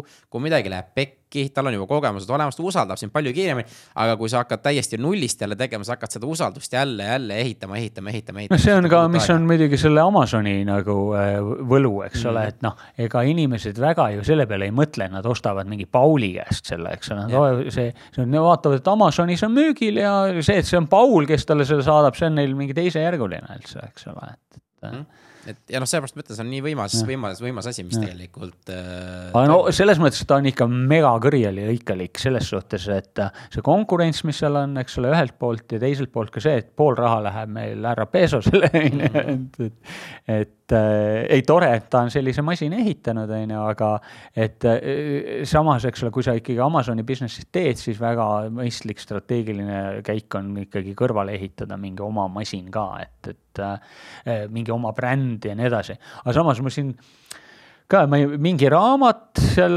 ma vaatan või ma kuulan neid peamiselt audiobook'ina, on ju. et nii palju, et mul ei jää nad kõik enam meelde, aga et seal oli see, et, et äh, ühesõnaga Amazon, ühesõnaga Amazon hakkas müüma või tähendab, ühesõnaga mingi high-end bränd, kingad vist olid, müüs oma asju Amazonis ja siis hakkasid hiinlased müüma neid Amazonis ja Amazonil on savi ja, ja, ja kogu moos, ühesõnaga sellega on nendele see bränd on no põhimõtteliselt nagu pühitud, eks ole mm. -hmm. ja, ja ühesõnaga, et, et äh, igal asjal on noh, nii plusse kui miinuseid, on ju ei, seal on neid, neid case'e nagu. ja kui nad Amazonile ütlesid, kuule, aga näed, need tüübid müüvad, aga me pole meie asi, et näed, meie, meie jaoks on okei okay ja ei ole midagi, eks noh. ma ei tea, noh, ilmselt kui ma läheks sinna, hakkaks seal Nike'i müüma, on ju, siis võib-olla nad läheks veits rohkem stressi, õigemini Nike'il on veits rohkem nagu musklit, et sellega, eh, aga, aga ikkagi, eks ole. ei, tegelikult need väiksematega on ka juba praegu, nad, nad, nad tulevad, nad päris palju, noh, kõige, kõige kurioossemad on need, et vaata Kickstarter, kui sa tead seda kampaaniat, et et hiinlased siis vaatavad, mis põnevad asjad seal saavad hästi palju rahastust, siis nad teevad ja kõige naljakam on see, et nad teevad need tooted ennem valmis, kui Kickstarteris on lubatud et umbes niimoodi, et me saame detsember kümme valmis, on ju. aga tegelikult on mingi oktoobri lõpus on juba müügil, vaata. aga need on nagu fake tooted, mis, mis on nagu kvaliteedist halvemad ja siis on see, et, need, äh, need, kes on seda nii-öelda back inud siis, et äh, need vaatavad, kuulge, need tooted juba ammu väljas on ju, mu sõber ostis, aga nad lähevad nii kiiresti katki ja nad hakkavad sinu support'i helistama just sellele Kickstarteri, sellele, kuule mm, -hmm. et, et mhm. on ilgelt saadast aastast nagu tooted, ma võtan raha tagasi, vaata. et äh, see on nagu päris jõhker, mis seal nagu toimub ja seal oli, seal oli üldse väiksed projektid, seal on ikka kuradi, kes on miljon saanud paar miljonit miljonit ja, et see on ikka hullumaja, mis nagu toimub. jah, et nende, no vaata, aga ega selles mõttes, et ma noh siis ma hiljuti nägin, teles oligi, räägiti Eesti mingite ehtetootjate ja riidetootjate mingeid brände kopitakse ja müüakse mingid ja kohutavad asjad kõik ja kvaliteet ja kõik kole ja halb ja nii edasi. ja tead, ma, ma arvan, et sa, sa ei võida mitte kunagi seda sõna, sõda selle Hiina mingi tehasega, on ju. et sa võid sinna panna oma aja ja maksta juristile pappi ja nii palju, lihtsalt kui su äri lihtsalt tee oma äri, kui sul sellega õnnestub raha teenida, on tore, kui ei õnnestu ähm,, siis tuleb leida midagi muud. lihtsalt elu on selline et, et äh, võib-olla kunagi on see, tekib selline olukord, eks ole, noh, USA-st vaata ei tule ju meil võltskaupa, eks ole. võib-olla viiekümne aasta pärast ei tule enam Hiinast ka. aga et täna on ikkagi, see on noh, elu, elu on selline ja seda tuleb nii võtta, et, et ja ei, mul kogemused puudub, ma, ma tean, et Eestis ei ole, aga Musast olen tegelikult kuulnud küll neid podcast'e sid, edulugusid, et kes näiteks see üks on, ma ei tea, kas on tuttav, on see TRX on need spordisaalides on vaata need kollased, kollased nöörid, mis nagu, kus sa teed neid trenne, on ju. et nendel oli sama teema Hiinaga ja nad, nad läksid, minu meelest oli ta vist mingi neli aastat oli kohtus käisid ja siis pärast äh, nad said mingisuguse raha sealt Hiinast või knock-off'i jäi. aga see oli sihuke nagu hull peavalu ja see, see tüüp, kes selle välja mõtles, ta on endine Navy Seal ehk siis nagu sõdar, need vennad alla jälle vaata, need lähevad kuradi. ega vot seal, seal on noh, USA-s jälle, eks ole, USA-s on väike firma, tal on käive paar milli, on ju, mhm. eks ole. me räägime väikefirmast, tal on võib-olla sada tonni käive, eks ja, ole, et, et, et sul ei ole seda raha nagu kuskilt võtta, et, et, et selle tõttu ma, ma ei, nagu ei ütle, et kohe tuleks nagu alla anda, aga no mm. mina, tähendab, ütleme, ei, ei hakkagi võistlema selles suhtes, et lihtsalt elu on raske, on ju. ja see on see, kuhu sa energiat paned, on ju, kui sa pane, hakkad ja. sinna sellega võitlema, okei okay,, ma saan aru, et, et on hästi oluline.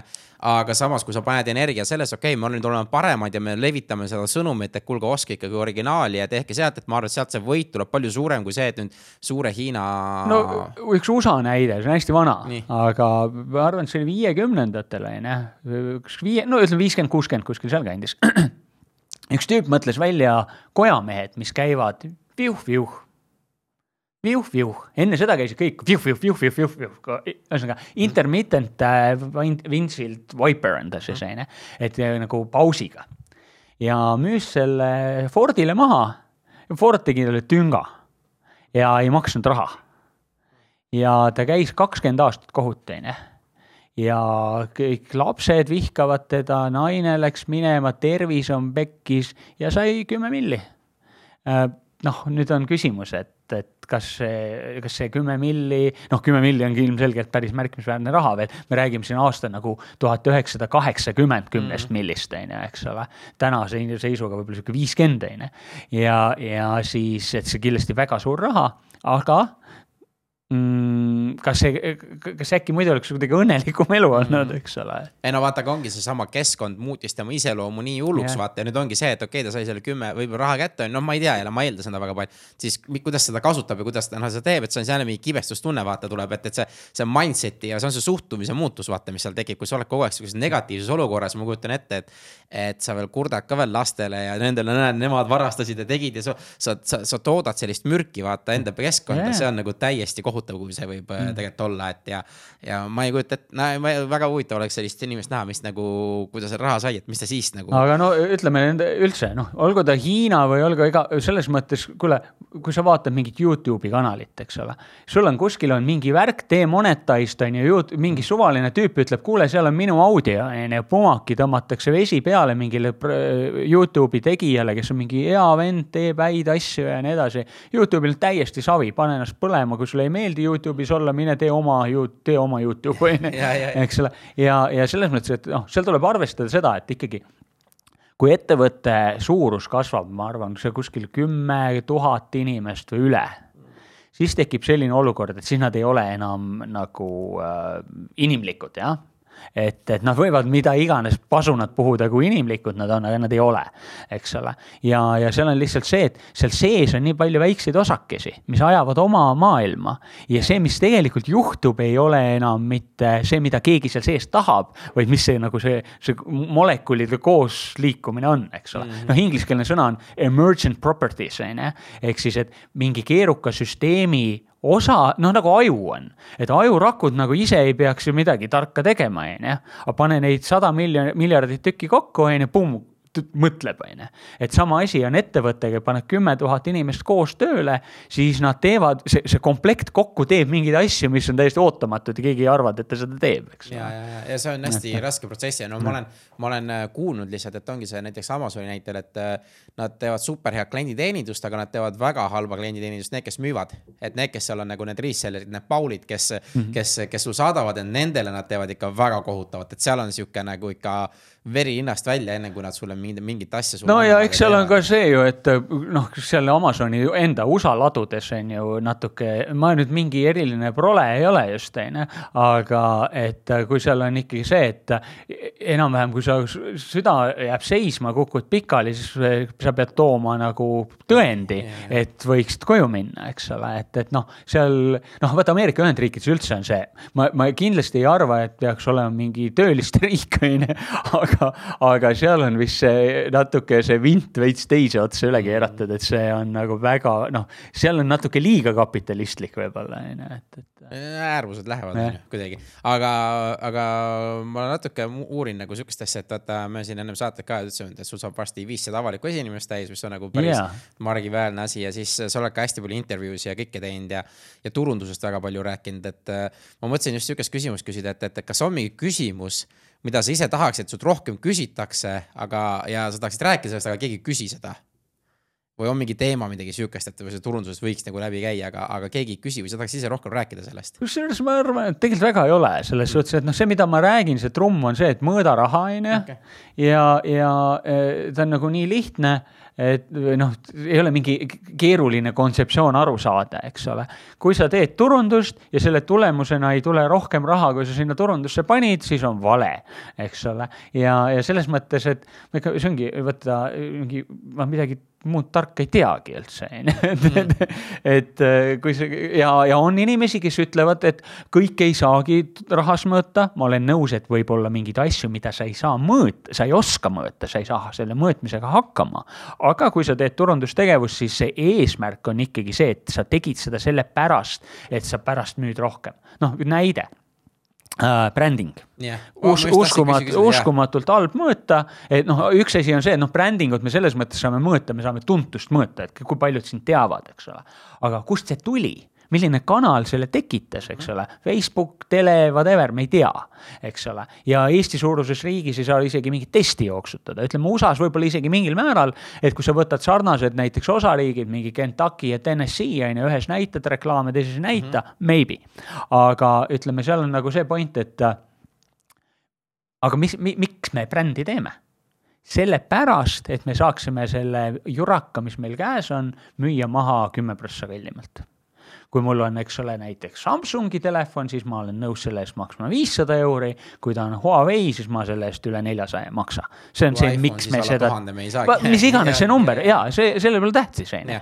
et ega iPhone, ma arvan, saab ka, ma ei tea, kui odav on kõige odavam iPhone, aga, aga no ei, vahet pole on ju. et aga jaa, selles mõttes kahtlemata on Apple üks maailma kõige, kõige brändimaid brände on ju, üldse mingit kõhklustki ei ole selles, aga see, et ta seda teeb, selle tõttu ta saab, ta on oma, ühesõnaga bränd on see, see nakkus, mis on kellegi peas, eks ole. ja, aga lihtsalt, et kui me nüüd teeme seda ühte brändi tugevust, et mingi agentuur või turundaja tuleb, ütleb, et nüüd me teeme brändi.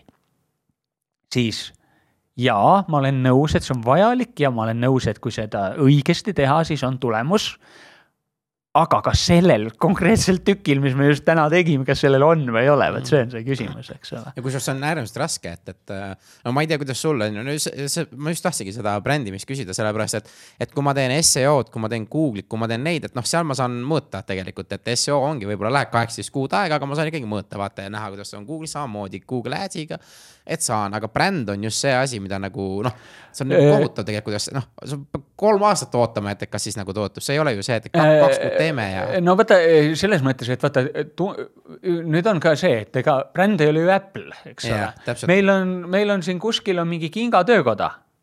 Kingse, Kingsepa töökoda. Pauli Kingsepp noh. Pauli, Kingsepp, Kingsepp või no ütleme nii, ma praegu mul ei ole, aga ma aeg-ajalt kannan kingi, mis on Uncle Paul mm, -hmm. onkel Paul ja siis neid müüb üks mees, kelle nimi ongi Paul, ta teeb neid Hiinas ja ta ise mingi osa disainib ja Eesti tüüp on ju ja on mingi grupp inimesi, kes teavad seda nime mm, -hmm. Uncle Paul, eks ole. ja kui keegi mulle ütleb Uncle Pauli kingad, siis ma täitsa olen nõus neid vaatama, et kohati mulle nende disain meeldib mm. -hmm. nii, et see on lihtsalt nii suur bränd, ta ongi nii suur ja rohkem ei olegi vaja, eks ole, et nende inimeste seas on ta olemas, eks ole. ja nüüd, kuidas sinna jõuda, no seda ongi, ühe korra ostsin võib-olla läbi Google Adsi, nägin reklaami, ostsin kingad vaatasin, oh päris äge, jäi meelde. ja nüüd on lihtsalt küsimus, et kuidas, kas, kas me tahame seda üldse skaleerida või piisab mul, et ongi mul mingi sihuke taskuäri, eks ole mm, -hmm. et, et. Aga brändi mõttes jah, et, et ma siin olen aastaid nagu noh, see mõõtmise probleem on see ka, eks ole, et selleks, et nüüd brändi mõõta, meil on vaja uuringut teha, eks ole. ja see on nagu jälle tüütu ja kallis ja see tähendab seda, et jälle väikeettevõtja, no mida sa uurid oma mingit tehnoülevaatuse tuntust, eks ole. ja, ja siis seal ma olen mõelnud nagu seda, et on, digis on kaks mõõdikut, mida saab jälgida. Google Analyticsis on selline mõõdik nagu direct traffic. ja direct traffic nagu hästi lihtsustatult. kui keegi tahab lugeda, mis asi on direct traffic, kirjuta Google'isse, mis on direct traffic ja kliki esimese lingi peale, on ju. ja see on minu link ja siis ma loodan, et on äkki, keegi kirjutab keegi... kiirelt sinna mingi artikli ette aga, aga no anyway, et ja. mis on direct traffic, aga ütleme laias laastus on need inimesed, kes on, teavad su nime, on su nime otse sisse löönud aadressi, on ju, või võtab bookmark'ist, eks ole. ja see on üks ja nüüd teine pool on siis need inimesed, seda saad Google Search Console'ist. see näitab sulle, kuidas su Google'i otsingus läheb, on ju. vaatad, kui palju on su nime otsitud ühesõnaga vaata, ma võib-olla tean, et su firma nimi oli või mingi startup oli sul sorry as a service, jah. nii, mis selle veebiaadress on, ma ei mäleta.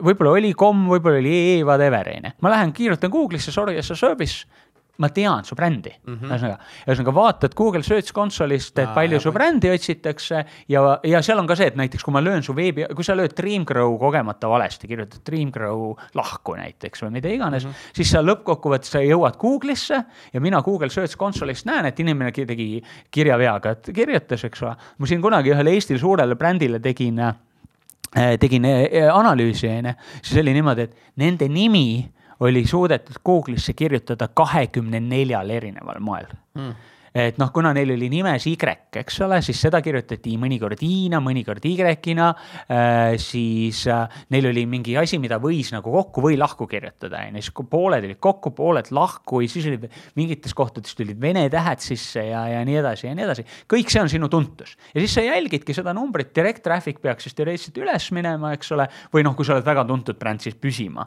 ja, ja Google Search Console'ist vaatad, et su nimeotsingud oleks ka trendiks nagu ülespoole, eks ole olla. ja see on nagu see, kus sa saad tõesti, ilma et sa peaksid mingi terve varanduse kuhugi uuringu alla panema ja suhteliselt nagu dünaamiliselt ka, et nagu sa saad seda iga päev vaadata. ja, ja siis saad ajas, ajas vaadata, et okei okay,, me oleme neli kuud teinud, kas, kas on. täpselt, täpselt nagu ja, ja no ütleme, sellesama direct traffic'u puhul on see, eks ole, kui sa teed nüüd telereklaami, on ju, siis telereklaami ajal peaks direct traffic üles minema, sest inimesed teles nägid, võtsid telefoni kätte ja kirjutasid midagi. sa teed raadioreklaami, inimene raadiost kuuleb, aa, selline aadress kes peaks jälle lööma, lööma selle sisse, eks ole.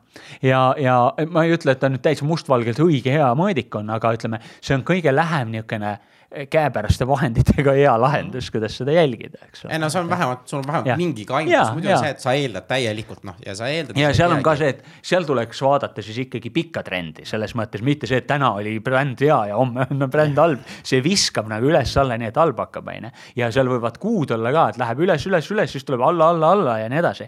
aga see, see üldine, see tendents, trend, tendents, trend peaks olema nagu üles suunas mm,. ja see on väga, väga, väga hea noh vot. et äh, sellega, ei no see on lihtsalt, ma leian, et seda on väga hea ka ettevõtetel nagu teada et.... no aga vot, see on ka see, seda saab igaüks teha, kõik, kellel on veebileht ja mis vähekenegi. kui nagu... nad on Google konsooliga ära ja. ühendatud, vaata. et see, see ühendamine, see, mis ma ja. olen aru saanud, paljud on tegemata. see on nagu kõigil tegemata ütleme, see, see osa, kellel see tehtud on, on nii väike, et võib öelda, et kõigil on tegemata mm,. sest see seadistus ei ole ka just kõige lihtsam et.... aga kuule, nüüd nad on, nüüd ta on lihtsamaks tehtud, aga ma ikka näen seda, et umbes fifty-fifty, enamus, kes seda tegema hakkavad, enamus, fifty-fifty, pooled, kes seda tegema hakkavad, saavad endale punase kasti, appi-appi ei tööta, onju. Mhm. ja siis pooltelt läheb ilus roheline kast, mis ütleb, oo, seadustatud. sest ma isegi just ja. lasin teha, ma lasin teha selle, sellepärast see võttis mingi paar tundi võtab aega, et, et. ei, ei. enam ei võta. ei, ta võtab. ei, ta võttis seadistamine lihtsalt. ei, seal ei ole midagi, selles mõttes see on päriselt on niimoodi, et kui sa, kui sa tead, ühesõnaga, kui sul mingid katastroofilist mingit errorit ei okay. ole, Okei. onju, siis äh,, siis ta võtab sul aega koos kohvipausiga pool tundi aa, niimoodi kohe, et- okei. et äh, kui sul arendaja ütleb, et see võtab terve igaviku, onju, siis ta lihtsalt joob palju kohvi, et, et, et see seal nagu see töömahtu ei ole. mm,. okei okay,, hea teada, et Jah. ma ühe, ühe, ühe, mul on üks leht veel, mis ma tahan ise ära testida seda, et panna WordPressile see peale. et see, see on hullult oluline, ma. sest et kogu see pull töötab tänapäeval läbi Google Analyticsi mm, -hmm. nii et kui sul on kõige värskem Google Analytics küljes, siis peaks see töötama täiesti valutult, next, next, next ja töötab Jah. eks ole. aa, vaata analüütikuga panek, see, see, selle paned ka, et noh, need kõik kokku, et see läheb juba natuke kauemaks minu meelest või? E, kui sa selle nii-öelda tänapäevasel kõige uuemal moel ära teed, siis on kõik ise korraga plaksti paigas, et Ah. et ühesõnaga tõesti ülilihtne, et, et äh, ma saan aru, et kõigile ta ei ole ülilihtne mm, -hmm. aga ma lihtsalt ütlen seda, et see, et sa ei tea, millist nuppu kuskil vajutada, ei ole keerukus, see on lihtsalt teadmiste puudumine, eks ole. aga see, kui mina tean, mis nuppe vajutada ja lähen sulle seda nüüd tegema, siis see võtab aega äh, kümme Noh, minutit, mm. on ju, et, et. et eks see on kõikide asjadega niimoodi, et kus see, kus see nagu tasuvuspiir ära tuleb, et, et ma jah. väga palju mõtlen just selle peale, et okei okay,, see, mis ma teen, kui palju see mul aega võtab ja kas mul on võimalik see raha kuskilt mujalt rohkem teenida ja siis palgata keegi teine on ju seda tegema. või siis see on piisavalt huvitav just selle jaoks, et okei okay,, ma teengi nüüd ära, et, et. ei, ei, selle kõigega ma olen nõus ja ma ei arva isegi, ma arvan, et kõik või ütleme nii, tegelikult selle võiks panna endale, kirjutage endale kuhugi üles, onju. et äh, kui te tellite täna veebilehte, onju, siis see, et tal on Search Console töötab, et Google Analytics töötab, et goal'id on seadistatud, et kõik asjad töötavad, onju. et ma ei tee veebilehte selleks, et ta oleks, ma teen veebilehte selleks, et saada tulemusi. Neid tulemusi ma mõõdan Google Analytics ja Search Console'iga, kui need ei ole külge pandud, siis palun tehke tööd, garantiiremondi korras võite välja nõuda, eks ole, et, et see võiks nagu niimoodi olla, jah, see, ma tean. Facebooki piksel peaks ka olema küljes,. no LinkedIn'i ka ja, ja kõik kõikide nende, olen, olen, mis. noh, ütleme Eestis võib-olla jah, ütleme, kui sa oled business to business, siis võib-olla LinkedIn ka, aga noh, Twitter ja B2C, need juba need ei ole väga teema aga, aga jah, mida sa müüd, vaata kus, kus sul need klient, kus sul jääsid, vot sellepärast ongi see, sa pead teadma, kus su kliendid on, et ma ütlengi, et, et äh, või Instagrami ja kõik need, et, et äh, see on nagu nii oluline neid teada ja et kus, kus sa, kust sa tulevad ja kus sa track'id, vaata. noh, Insta ja Facebook on sama piksel. seda küll jah, et, et sealt tuleb nagu päris, päris palju nagu inimesi ja hea retarget ida vaata neid ja inimesi., ja, ja see on väga-väga väärtuslik jah ja et äh, ma ütlen, andmed on need, mis tegelikult noh, me oleme andme, andmeajastul, lihtsalt tähtis on see, et, et ma tean neid suuri ettevõtteid, kellel on mega palju andmeid, aga nad ei oska nendega mitte midagi teha, vaata, et see on tegelikult on väga suur probleem. ja noh, teine pool on jälle see, et nende, kes on väga väiksed, neil on, ei ole piisavalt andmeid, et jälle midagi teha, on ju, et. aga see on küll kohutav, et ma olen ikkagi näinud, kus suured nagu, nagu Eesti mõttes nagu kõige suuremad ettevõtted teevad turundust niimoodi, et mingid asjad on täiesti nagu nullmõõtmes nagu mitte midagi ei mõõdeta. Ja, ja see, see on ikka nagu noh vaata, see on nagu, meil on praegu erakordselt hea aeg, on ju. Mm. elu on, läheb üles ja tööpuudus on väike ja majandus veel kui mingi kuhugi allapoole ei ole nina keeranud, on ju. ja, ja siin on nüüd nagu see, et eh, lihtsalt sellisel ettevõttel, tal tuleb raha uksest ja aknast sisse, on ju, ja whatever, noh, kui nüüd mingi aeg mingi asi ventikasse lendab, on ju, vaid siis on see, et appi-appi, meil on miinus, on ju, siis hakatakse igat asja pigistama. aga täna on see aeg, kus võiks nii-öelda seda atra seada või, Ja, või mis on see Stephen Covey sharpening the saw, jah. et, et, et siin praegu tuleks nagu asjad paika seada, et kui pärast on mingi Jamaks kraater, on ju, siis on juba paigas.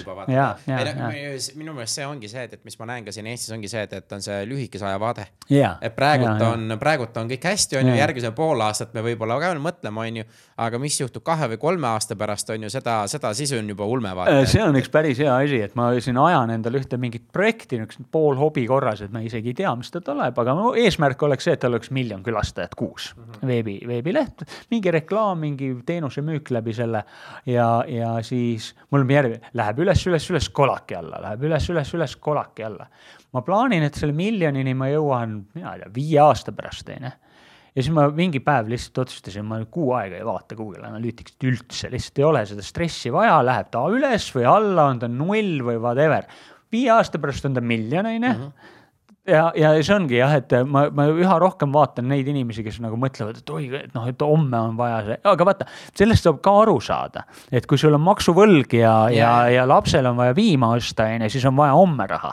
et siis sa ei saa selle viie aasta peale mängida, eks ole. ja noh, samas turg ka muutub ja vaata, et sellest ma ütlengi, et, et noh, startup'i maailmas on see mul eriti nagu see, et, et sa peadki olema hästi paindlik, vaata, et see, mis täna töötab, ei pruugi homme töötada, et noh, et sul, sa pead nagu valmis muudatusteks olema, aga ja. sul peab ikkagi mingi suund olema, et kuhu sa sa lähed äh, kolme-nelja aasta jooksul vaata, et, et äh, need vahendid, mida me kasutame, need võivad muutuda, need äh, target kulub ka, aga meie nagu eesmärk ongi noh, et miljon on ju nagu sina ütled seal veebilehel, et võib-olla täna su sihtrühm on kolmkümmend kuni nelikümmend on ju, aga võib-olla sa näed, et tegelikult see on kakskümmend kuni kakskümmend viis on hoopis see sihtrühm, kus läheb. aga noh, eesmärk miljon on ikkagi sus vaata. aga, aga noh, selles mõttes jah, et ma ühest küljest ma ütleme näiteks, kui mingid inimesed ütlevad, et noh, me, et noh, neil, neil nagu pikka vaadet ei ole, eks ole, siis mm. nagu ei, nagu ei olegi mingit tahtmist nendega mingit koostööd teha, on ju. aga teisest küljest on jälle see, et mind ajab hullult naerma see, kui keegi on teinud äriplaani kolmeaastase. see on nagu äge, on ju. et ja. võtsime, on ju, mingit äringu, hakkasime viskama ja kirjutasime mingeid tabelisse numbreid, on ju. et, et kui sa teed plaani, mis on nagu üle poole aasta, on ju, siis see on täielik umbluu, on ju. ma olen sellega täiesti nõus, jah, sellega ma olen täiesti nõus, et eriti on see jälle, ma toon äh, idufirma seal, et nad prognoosivad, et me kolme aasta pärast oleme kasumis ja toome kümme miljonit, no, no, no ja, ei noh, no ei noh, siis noh, ei see ongi see, et siis sa naerad seda lihtsalt, ei, see ei saa, noh, see on, see, see on ulme või, või et kuidas nad prognoosivad neid asju, no ettevõtete puhul ka, et, et ei noh, see on tore, et nad selle asja ära teevad ja neil on mingid numbrid olemas. aga selles, et nad nii kindlad selles on see, noh, saad aru, see. no vot, seal natuke on jälle see kaliibri küsimus, eks ole, et kui sa oled, ütleme, on ju, Telia, on ju, ja sul on sada tuhat, isegi viissada tuhat klienti võib-olla, eks ole, siis seal on seda voogu ilmselt natuke lihtsam nagu ennustada. aga, aga võtame alternatiivne näide, siis kui meil see viimane crash oli, eks ole, kaks tuhat seitse, kaheksa kandis on ju. aut-, uute autode müük langes kaheksakümmend prossa mm.. sa kujutad ette, see on ju katastroof, on ju. ja, ja sul ennem müüdi, eks ole, mingi kolmkümmend tuhat aastat autot aastas vist oli see number, ma võin eksida. ja, ja siis sul jääb sellest järgi mingi siukene natuke rohkem, on ju. vist, jah, viis tuhat. Noh. et, et, et no ikka ultra vähe, eks ole, et no viis-kuus tuhat. ja, ja, ja, ja sul on ju, sul on ju kümned autofirmad, noh, alustame sealt mingitest Volker, Škoda, Toyota, eks ole, kes müüvad võib-olla pooled autod umbes umbes, eks ole. ja, ja nemad ju tegid ka plaani, et nad müüvad iga kuu kakssada autot, eks ole. ja siis järsku on, oh, nelikümmend, eks ole mm.. et see, see on päris ei no ma ütlengi, see on, see on just selles nagu äh, staadiumis, mis see ettevõte on, et see üks asi on see äriplaan ja teine asi on see, kui mulle ettevõte ütleb, et ma küsin, kes su kliendid on, siis ta ütleb kõik oh,. saad aru, noh, see, on nagu teine asi, mis nagu no, ei. ma olin ise samas, samas selles, et mulle toodi just näide, et see on täpselt samamoodi, et kui sa ütled, kõik on sinu kliendid et äh, keedad spagetti, võtad, võtad käputäie spagetti ja viskad vastu seina ja vaatad, milline spagett seisma jääb. see, see on see. testing jah. ja, et see, see on nagu sihuke, kui sa ütled mulle, kõik on sinu kliendid, et, et ei, no see, see, see, see ei tööta lihtsalt. ei, aga see, sellest on parem versioon ka, mis mulle meeldib, et ei, meil päris kõik ei ole, meil on peamiselt mehed ja naised et see on nagu ultra cool, et äh, kusjuures ma olen isegi nõus, on ju, et kui sa hakkad siis jagama, et sul, tead, võtame mingi, sedasama korra mingi telekom või, või mm -hmm. Telia, Elisa, mis iganes, eks ole, et tõesti kõik on selles mõttes, et pensionärid on, lapsed on, pered on, firmad on, suured-väiksed firmad, kõik on. -hmm. aga sa ei saa, sa ei tee nagu kõigile korraga reklaami, sa võtad neist igast ühe, ühe segmendi ja teed segmendile reklaami mm. -hmm. ja nüüd, kui Telial võib-olla on seal iga segmendi jaoks üks inimene, võib-olla, võib-olla mõne segmendi jaoks kaks inimest, mhm. on ju. siis, kui sa oled väikeettevõtja, siis sa pead valima ühe segmendi ja tegema sellele ühele segmendile, sest kui sa üritad siis nagu nendele kõigile segmentidele teha, siis on lihtsalt see lugu, et sa ei jõua seda teha yeah. ja kogu moos, on ju. ja sa ei saagi aru, kuskohast sinu nagu tõeline väärtus välja tuleb. täpselt ja, ja siit me jõuame siis võtta ühe asja juurde, mida jälle mitte keegi ei tee, on ju, on persona ehk siis see on see, et sa kirjeldad ära selle isiku, kellele sa müüd. et noh, enamus võib-olla mainivad siin-seal, noh, sina ka ütlesid, eks ole, sihtgrupp. sihtgrupp on mingi amorfne mass Mm -hmm. see on mingi ports inimesi, me kuidagi noh, me, me ütleme sihtgrupp, näime targad ja siis on jube äge, on ju. aga kirjelda ära, noh, meil on siin, meie siin persona on viimasel ajal olnud Paul, on ju, mhm. kirjelda see Paul ära, võib-olla ta ei ole Paul, võib-olla ta on Paul A mm, -hmm. ükskõik kumb ta on, oletame, et sul ikka ütleme, näiteks kui ma vaatan turundajaid mul on olnud näiteks, kui ma koolitusi vaatan endale, on ju, mul on olnud koolituse, selliseid koolituse klasse või gruppe, kus on kõik naised korduvalt. mul ei ole kordagi olnud sellitus, sellist koolitusgruppi, kus oleks kõik mehed eks ole. nii et kui mina teen oma persoonat, siis ma ütlen, et ta on Paula, niimoodi. ta on naisterahvas, ta on mingi ettevõtte, ütleme, nüüd on ka küsimus, millise ettevõtte, noh, ma panen enda jaoks paika sellise ettevõtte äh,, turundus, siis tõenäoliselt juht võib-olla, on ju nii, ja nüüd ma hakkan vaatama, mis tema jaoks on oluline, mis tema töös on tähtis ja nii edasi ja ma kirjeldan selle Paula ära. nimelt see mahuks minima-, maksimaalselt poolele A4-le ära. ja nüüd, kui ma midagi ütlen siis ma ütlen nii, et vaatama, ahah, kui ma seda ütlen, kas Paula A saab aru, kas see Paulat üldse huvitab ja, ja siis ja, ja see, see, mis ma just rääkisin, seda ei ole peaaegu mitte kellelgi, eks. ja, ja on ka isegi niimoodi olnud, et ma ikka ka mõnikord noh, kui koolitusel on rohkem rahvast, kui ma persoonani jõuan, siis ma küsin, kellel on, tõstke mm -hmm. käsi. no läheb paar kätt üles, onju siis ma küsin, all right, et tehke nüüd arvutis lahti see dokument, kus teil see sees on, näidake mulle siis lähevad need paar kätt ka enamasti mm. alla tagasi, on ju, et, et. et see on jah, ja ma lihtsalt selle persona, ma, ma olen ka startup, meil on väga palju räägitud sellest ja see oli ka üks küsimus, ma tahtsin. et tegelikult, et sul see persona on, see ei tähenda, et kõik su kliendid on sealt nagu personast, aga sul on lihtsalt see sihik, sinu sihik on ja. see, et sina sihid seda ideaalset klienti nagu sinna, see ei tähenda, et. ja see sõnum pritsib ju üle serva, ega Täpselt. teised ka, see mõjutab ja. teisi ka, aga lihtsalt see fookus on lasti täpselt selle ühe peale. aga ega selles mõttes, et kui ma, kui ma nüüd müün turundus äh, näiteks mingit teenust, on ju, sellele Paulale ja nüüd Paul loeb seda, ega see nüüd Paulil ei ole ta oluliselt teistsugune mm. -hmm. ma usun, et noh, turunduses muidugi mees-naine, seal polegi erilist vahet, on ju. aga äh,, aga et äh, kui ma müün, ma ei tea, näiteks kingi, siis võib juba olla märkimisväärne vahe mehel või naisel, eks ole. aga kokkuvõttes, kui ma teen näiteks autoreklaami, eks ole, siis see, et ma sihin ta naisterahvale, kes tahab seal oma lapsi vedada, no mis siis ikka, põhisõnum on see, aga mees ju näeb ka seda silindrite arvu ja mida iganes seal, eks ole mm. -hmm ma arvan, see on, see on hästi-hästi oluline, meil jah, idumastikul sellest räägitakse ikka mm. väga palju. et no tähendab, me, meil Londonis meil räägiti sellest ikka nagu võeti nagu õige, me pidime tegema ja me pidime kõik välja noh. ja see ja, ja mis ma veel selle persoonaga võin öelda, et, et sul võib olla ka kolm-neli erinevat ja, ja et, ei, ma, ma selles suhtes, ma, mis ma siin ennem selle nii-öelda telekomi näitel tõin, sul ongi, sul võivad olla kõik sihtgrupid, aga sa ühe isikuna või kui sul nüüd turundustiim on üks-kaks inimest, on ju, see, see ütleme hästi lihtne niisugune rusikareegel, ma ei ütle, et sa pead alati nii tegema, aga lihtne reegel. üks inimene, üks persona, et sul, sul on, sina oled, teed turundust nüüd sinu firmas, sa valid ühe persona. tuleb uus turundustöötaja, kuule hakka sina nüüd teisega tegelema, on ju, ja siis võtad teise, eks ole. ja ma ei ütle, see ei ole ainult, ainult müügiinimest või sellele turundusinimestele, vaid see on ka müügiinimestele jube hea oluline. sellepärast, et noh, ja no vaata, müügiotsused on ka, oleneb tootest, oleneb kui suur see on, on ju. et tegelikult tavaliselt on niimoodi, et neid otsuseid ei tee üks inimene, need teeb kaks-kolm inimest, et siis sul on tegelikult müügiinimesel on jube hea, kui sa tead neid erinevaid persoonasid, sa tead seda ühte inimest, aga see üks inimene, et kellega ta kõige rohkem räägib et kes võib temal nagu seda otsust ka nii-öelda mõjutada, et sul on nagu olemas nagu, mis see on, mis pood ah,, Mom's Test ah,. ja, ja, sa soovitasid mulle seda raamatut nii. Mom's Test on ju, see on nii. täpselt see, ühesõnaga sisuliselt see raamat räägib sellest, kuidas panna kokku ja. persona eks ole ah,. ja, ja et kõik need küsimused ja kuidas seda välja meelitada, ühesõnaga ega selleks, et persona kokku saada, ega sa ei saa, kui sa selle ise välja mõtled, siis on pointless umbluu, on ju. Mm. sa pead küsima päris inimeste käest, mis neid huvitab ja kui sa nüüd küsid päris inimeste käest midagi mm, -hmm. siis nad valetavad sulle. ja kui sa neid usud, siis sa saad endale mingi umbluu jälle, on ju. sa pead neid välja meelitama niimoodi, et nad ei saa arugi, et sa küsid neilt mm, -hmm. mis neid huvitab. sest kuule, ma küsin, et kuule, kuidas sulle mu firma teenused meeldivad?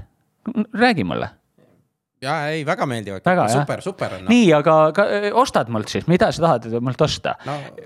no vaata, nii, nii kui ma hakkan sulle sellest rääkima, siis oh, mul juba üks partner siin on ja. ma pean otsustama, ma ei tea veel kohe, kas ma saan, on ju. et ma helistan sulle tagasi, ole. et ühesõnaga, sa pead, persona pannakse kokku selle pealt, mis nagu ini-, mida tegelikult, kuidas need inimesed käituvad. ja seda on üliraske kätte saada hiljuti mul, ma konsultatsiooni korras ühele ettevõttele aitan äh, ka persoonad kokku panna, eks mm. ole.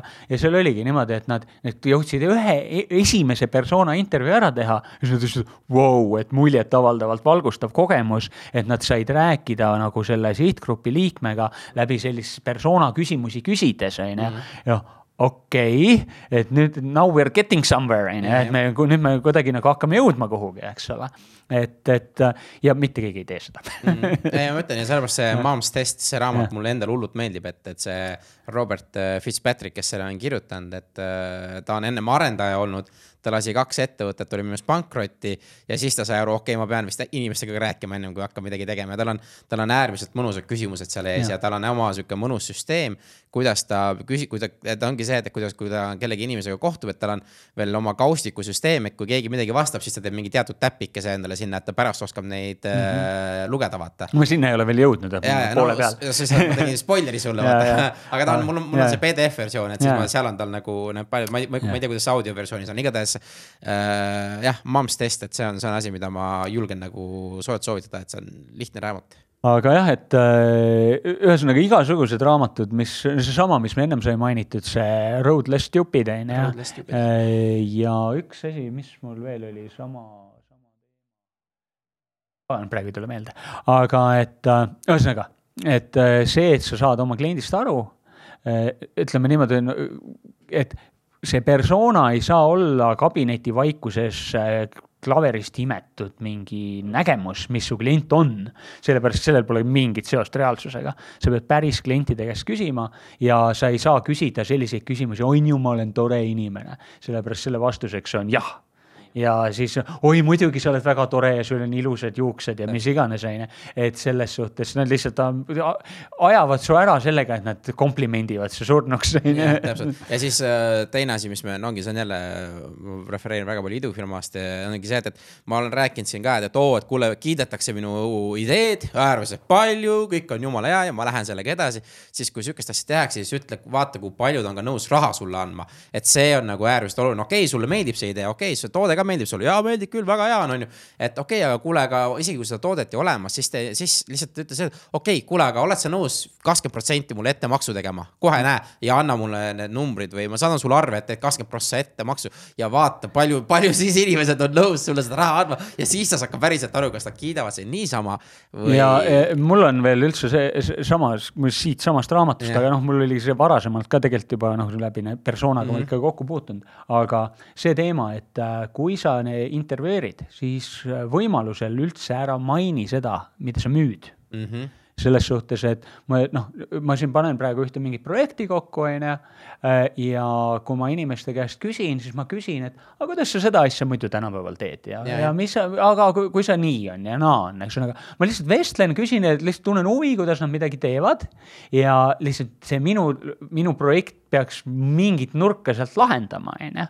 aga äh, ma ei ütle seda välja, mis see on, sellepärast et nii kui ma hakkan talle ütlema, kuule, mul on sihuke äge uus asi siis ta ütleb, oi küll, sa oled ikka tark inimene, et sa siukse ägeda uue asja. ja siis ma küsin, et kas sa nii teed? jaa, ma teen nii, mhm. on ju, et see kõik umbluu. siis sa juba söödad ette, on ju, ja siis, ja minu meelest see, see, mis sa just ütlesid, see on jube hea, et kui sa näed, et sinu see idee ei süga tal mitte mingisugust nurka või ei aita teda, siis on aitäh sulle aja eest ja lähed edasi. et sa ei hakka nagu peale suruma, vaata, et minu arust see on üks hästi-hästi oluline asi. aga no ma ise praegu tunnen ka, on ikkagi see, et kui sa saad nagu vastused, sa oled siuksed, mis ei kinnita su oma nagu nägemust, on ju, see on nagu valus veits et, et sa mõtled, no ma teen nüüd ägeda asja ja siis kurat pagan, nad ei saa ikka üldse aru, mida ma teha tahan, on ju.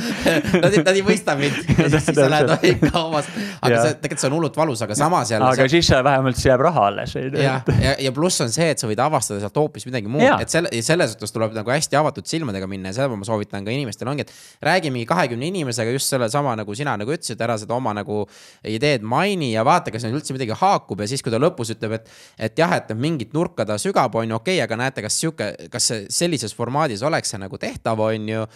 kusjuures igaks juhuks ma ütlen, eks ole, kogu aeg kas oled öelnud kas sõna tuleb ära unustada okay., ei lihtsalt selles suhtes, kas küsimus on alati nagu see, et kas ja ühesõnaga, et okay,, okay, okay. Äh, see, mul oli, ma kirjutasin hiljuti, see oligi vist reedel, jah, reedel, kirjutasin mingile kliendile küsimused, mul oli vaja teada, kas ja kui sagedasti nad audiobook'e loevad mm. -hmm ja, ja ma ei saa, kas sa loed audiobook'e? no muidugi, ma olin ju intelligentne inimene, et ikka ükskord oli kunagi jaa vastus on ju. ja siis, kui sagedasti, siis inimesed mõtlevad peast lihtsalt välja mingi numbri mm., millel puudub seos reaalsusega, aga küsid äh,. Millal sa viimati lugesid? Millal eelmine oli? Ja kas mit, see aasta, mitu raamatut on olnud, eks ole mm.. kas, jälle, kas näed, see on nii lihtne seda kassi ja, ja, ja, jälgid sa mingeid podcast'e ka? ahaa, ühte, mitut, ühesõnaga jälle, nii kui sul see kass sisse tuleb, siis kassi sees praktiliselt on vastus olemas, on ju ja, ja siis inimesed ütlevad, lihtsalt tulevad su kassile nagu vastu nii-öelda, eks ole. see on väga hea. et, et ja teine asi, mida, mida tähendab, aeg-ajalt on vaja küsida, aga tuleb hästi ettevaatlikult küsida, on miks. sest miks on enamasti süüdistus miks sa nii teed, loll oled no mm. nagu, et, et tal natuke on see maik juures, et, et mm. loomulikult, miks ei ole välistatav küsimus, aga, aga ta tihti äh, sisaldab hinnangut Mm. Et, ja no inimesed võivad seda negatiivselt ja, ja, ja, ja ma näen ise, et ma ka.... miks sa nii teed? jah, täpselt, aga seal on jälle, jälle toonist. ei, loomulikult ja, ja, ja, aga, aga sina ei tea, kuidas tema täpselt, sinu hääle tooni võtab, on ju. ei no see ongi, see on nii ja see ongi kommunikatsiooni kõik ja, see, et, et, et äh, kui sa miks ära võid, et näita mulle, kuidas seda teed, on ju. ja, ja aga jah, kommunikatsiooni kohta on see, ma ei tea, jälle kuskilt kuulsin mm., pagan seda teab kust, aga et kommunikatsioon enamasti kukub läbi, välja arvatud kogemata communication mostly fails uh, except by accidentally mm, -hmm. eks mhm. ole, et, et mm,. ei, see on väga-väga hea, noh. aga selge, kuule, aga ma panen praegu punkti, et ma küsin sult küsimusi, mida ma küsin ka teiste käest, et ma arvan, et meil sai lõpus just nagu väga head äh, praktilisi nõuandeid andnud. et ma uurin alati seda, et kas sul on endal mingi kindel ka hommikurutiin, et kuidas sa enda energiat nagu üles saad ja kuidas sa päeva alustad? energiat ma ei tea, mul tõusen üles, siis ongi energia, on ju, aga, aga et äh, ma ärkangi enamasti ilma kellata, noh, ühesõnaga see oleneb, millal magama lähen, magan circa seitse-kaheksa tundi. Mm. ja, ja kui ma lähen hiljem magama, siis ma pean kella panema. Ja kui ma lähen õigel ajal magama, siis ma ei pea kella panema. Mm -hmm.. noh, mõnikord igaks juhuks nagu, aga siis ma enamasti ärkan enne kella. E, e, ma olen nüüd viimased umbes pool aastat või natuke vähem, aga umbes võib-olla viis kuud, pool aastat äh, mediteerinud mm. nagu kakskümmend minti esimese asjana hommikul, on ju. Ja ma ei oska midagi selle kohta öelda mm. -hmm ise ei tunne mitte midagi. võib-olla on midagi, mhm. võib-olla ei ole midagi, aga eks siis vaatab, ma jälle, see on see pika vinna asi, et ma arvan, mhm. et aasta teen, vaatame, mis tuleb. ja, ja, ja, aga muidu on niimoodi, et äh, mul on nii, et kui Eh, no kui ma seda, praegu on niimoodi, ma ärkan üles, ma kohe, ma ei tee, võta mingit joogaasendit või midagi. lihtsalt vedelen voodis selja peal ja mediteerin, on ju. ja siis ma tõusen klops üles vannituppa, alla kohvi järgi ja siis äh, meil on niisugune aiamaja, siis ma marsin sinna, see võtab mul aega umbes kaheksakümmend kolm sekundit sinna oma välisuksest aia, oma töökohale jõudmine mm. ja siis ma hakkan klõbistama arvutit, on ju. et äh, ütleme, ma saan päris hästi kiiresti klaariks nagu, et ma tulen voodist välja, siis mul tuleb pilt ütleme, see, eks noh, kuna ma selle meditsioonitüki panen sinna vahele, see on kakskümmend minti, ütleme, vannitoa käik on võib-olla kümme minti, ma ajan habet, nii et see võtab viieka, on ju, ja muud toimingud. Teine viiekas, eks ole, äh, võib-olla mingi pesu, värk, särk, no ütleme viisteist minti, mhm. kolmkümmend viis minti, kohvimasinast jookseb paari minutiga välja. Äh, ütleme neljakümne minuti pärast olen ma seal kuskil tööpostil, on ju. Mhm. ja, ja ma väldin igasugust commute'i selles suhtes, et ma, ma nagu tipptunde ja kõike seda, mõnikord aeg-ajalt ma kogemata panen mingi kohtumise tipptunnile ja ma ei oska enam sellega hakkama saada, sest ma ei oska ennustada neid enam, on ju. Mhm. aga jah, ma töötan siis äh, arvuti taga ja ütleme nii, et ma ütleme tunniga on nii klaar pilt, et ma saan nii-öelda deep work'i tegema hakata, et hakata süviti mingit asja tegema. ja kui vähegi võimalik, siis ma panengi mingi niisugune kaks tundi võib-olla noh, poolteist kuni kolm tundi panen mingi ühe asja sisse kolaki ära, on ju. kus sa, kus sa sihukest fookust nagu oled?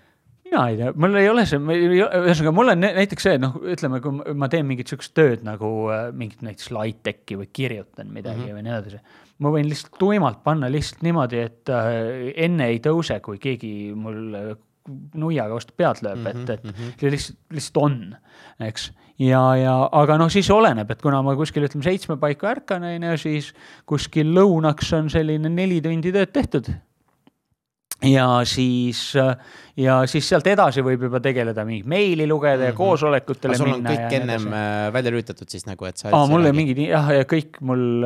Offline nii-öelda. no ühesõnaga, mul telefon on küll sisse lülitatud, aga no on no, silent, eks ole, jah. -hmm. ja, ja mul iga, iga, mul mingeid plinge ja asju ei ole, et, et mitte, seal on igasugused äpid, vaata ka arvutis üritavad selle desktop notification'id mm, -hmm. no vastus on no, mitte kunagi mitte midagi, et mingeid siukseid asju ei ole.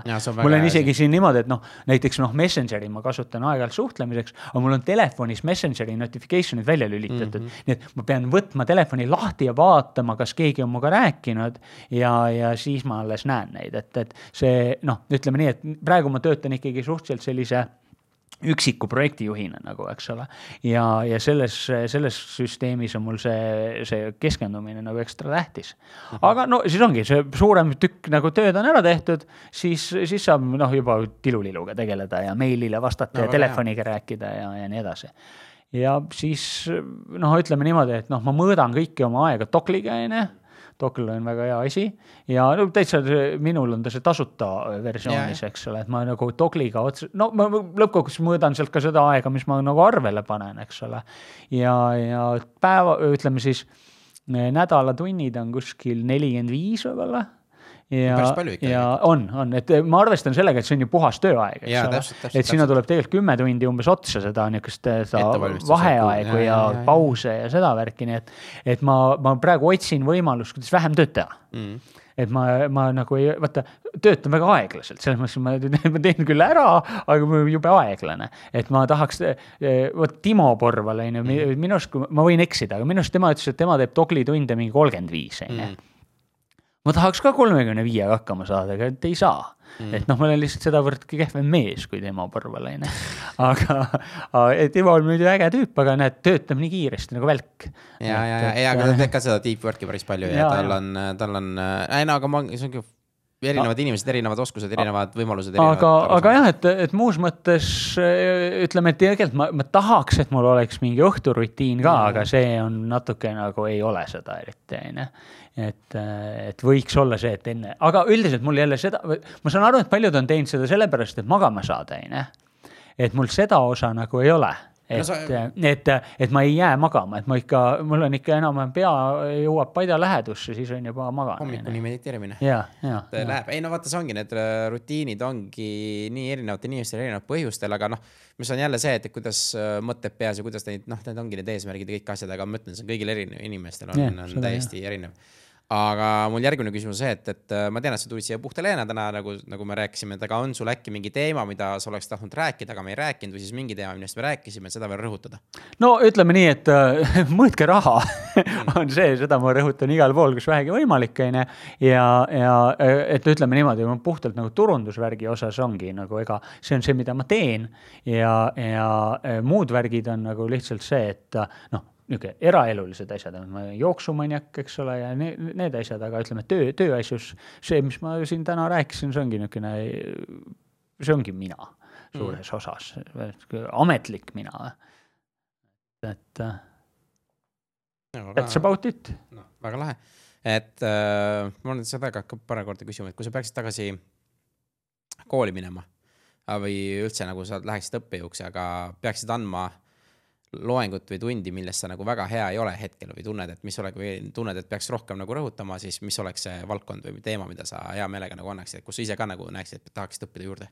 no selles suhtes, et tegelikult psühholoogia on see asi, noh, et, et äh, psühholoogia on ikkagi müügi ja äh,, müügi ja selle äh, müügiturundusel, läbirääkimiste, kõige selle all on psühholoogia, eks ole, no ütleme kogu e-, inimelu all on psühholoogia. et see on nii nagu oluline asi, et, et äh,, et äh, ütleme nii, et kõik see, mis ma tean, ma olen mingi noh, ma, arvan, et sadu raamatuid psühholoogia teemal läbi vaadanud ja lugenud, eks ole aga eh, noh, niisugune noh, noh, nii-öelda ametlik haridus, see on nagu puudu, eks ole, ja kindlasti sellel mingi väärtus on mm.. et see on kindlasti nagu oluline asi. no ütleme nii, et puhtalt hobi korras, on ju. Võiks minna äh, machine learning, ütleme mingi äh, big data tüüpi asjad mm, -hmm. et noh, kuna mul tegelikult on ka programmeerimise oskus olemas, eks ole. et ma täna kindlasti ei progra-, ei oleks võimeline raha eest programmeerima, aga see ei ole mulle mingi võõras teema yeah., eks ole. siis see, et igasugused ai süsteemid ja mingid siuksed asjad, see oleks kindlasti äge asi, mida nagu ma võiksin täitsa teha nagu tööna, et, et, et noor mees, aega on veel noh. no ja, ja et, et. kust teab noh, paned sinna oma miljonilise blogipostisse tööle, tuleb tiksub ja siis samal ajal teed machine learning ut ka sinna taha.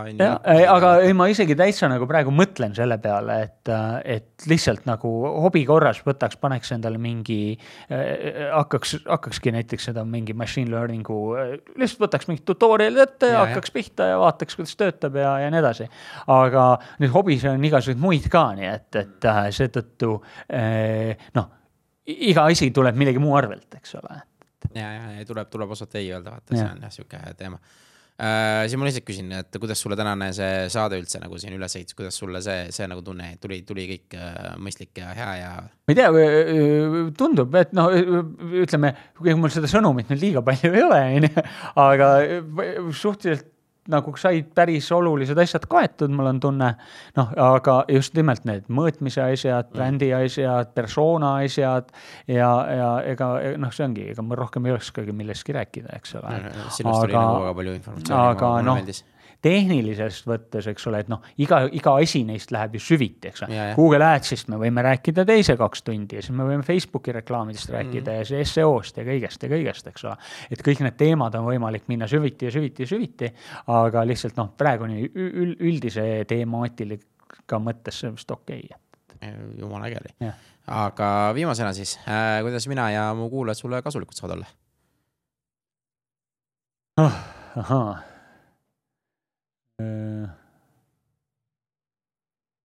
hea küsimus. vähemalt, vähemalt ükski küsimus, mis läheb ei, ei, ma ei mõtle, et teised halvad oleks veel. aga. see on, see on huumor, mida ma kogu aeg teen, see on alati kõige keerulisem.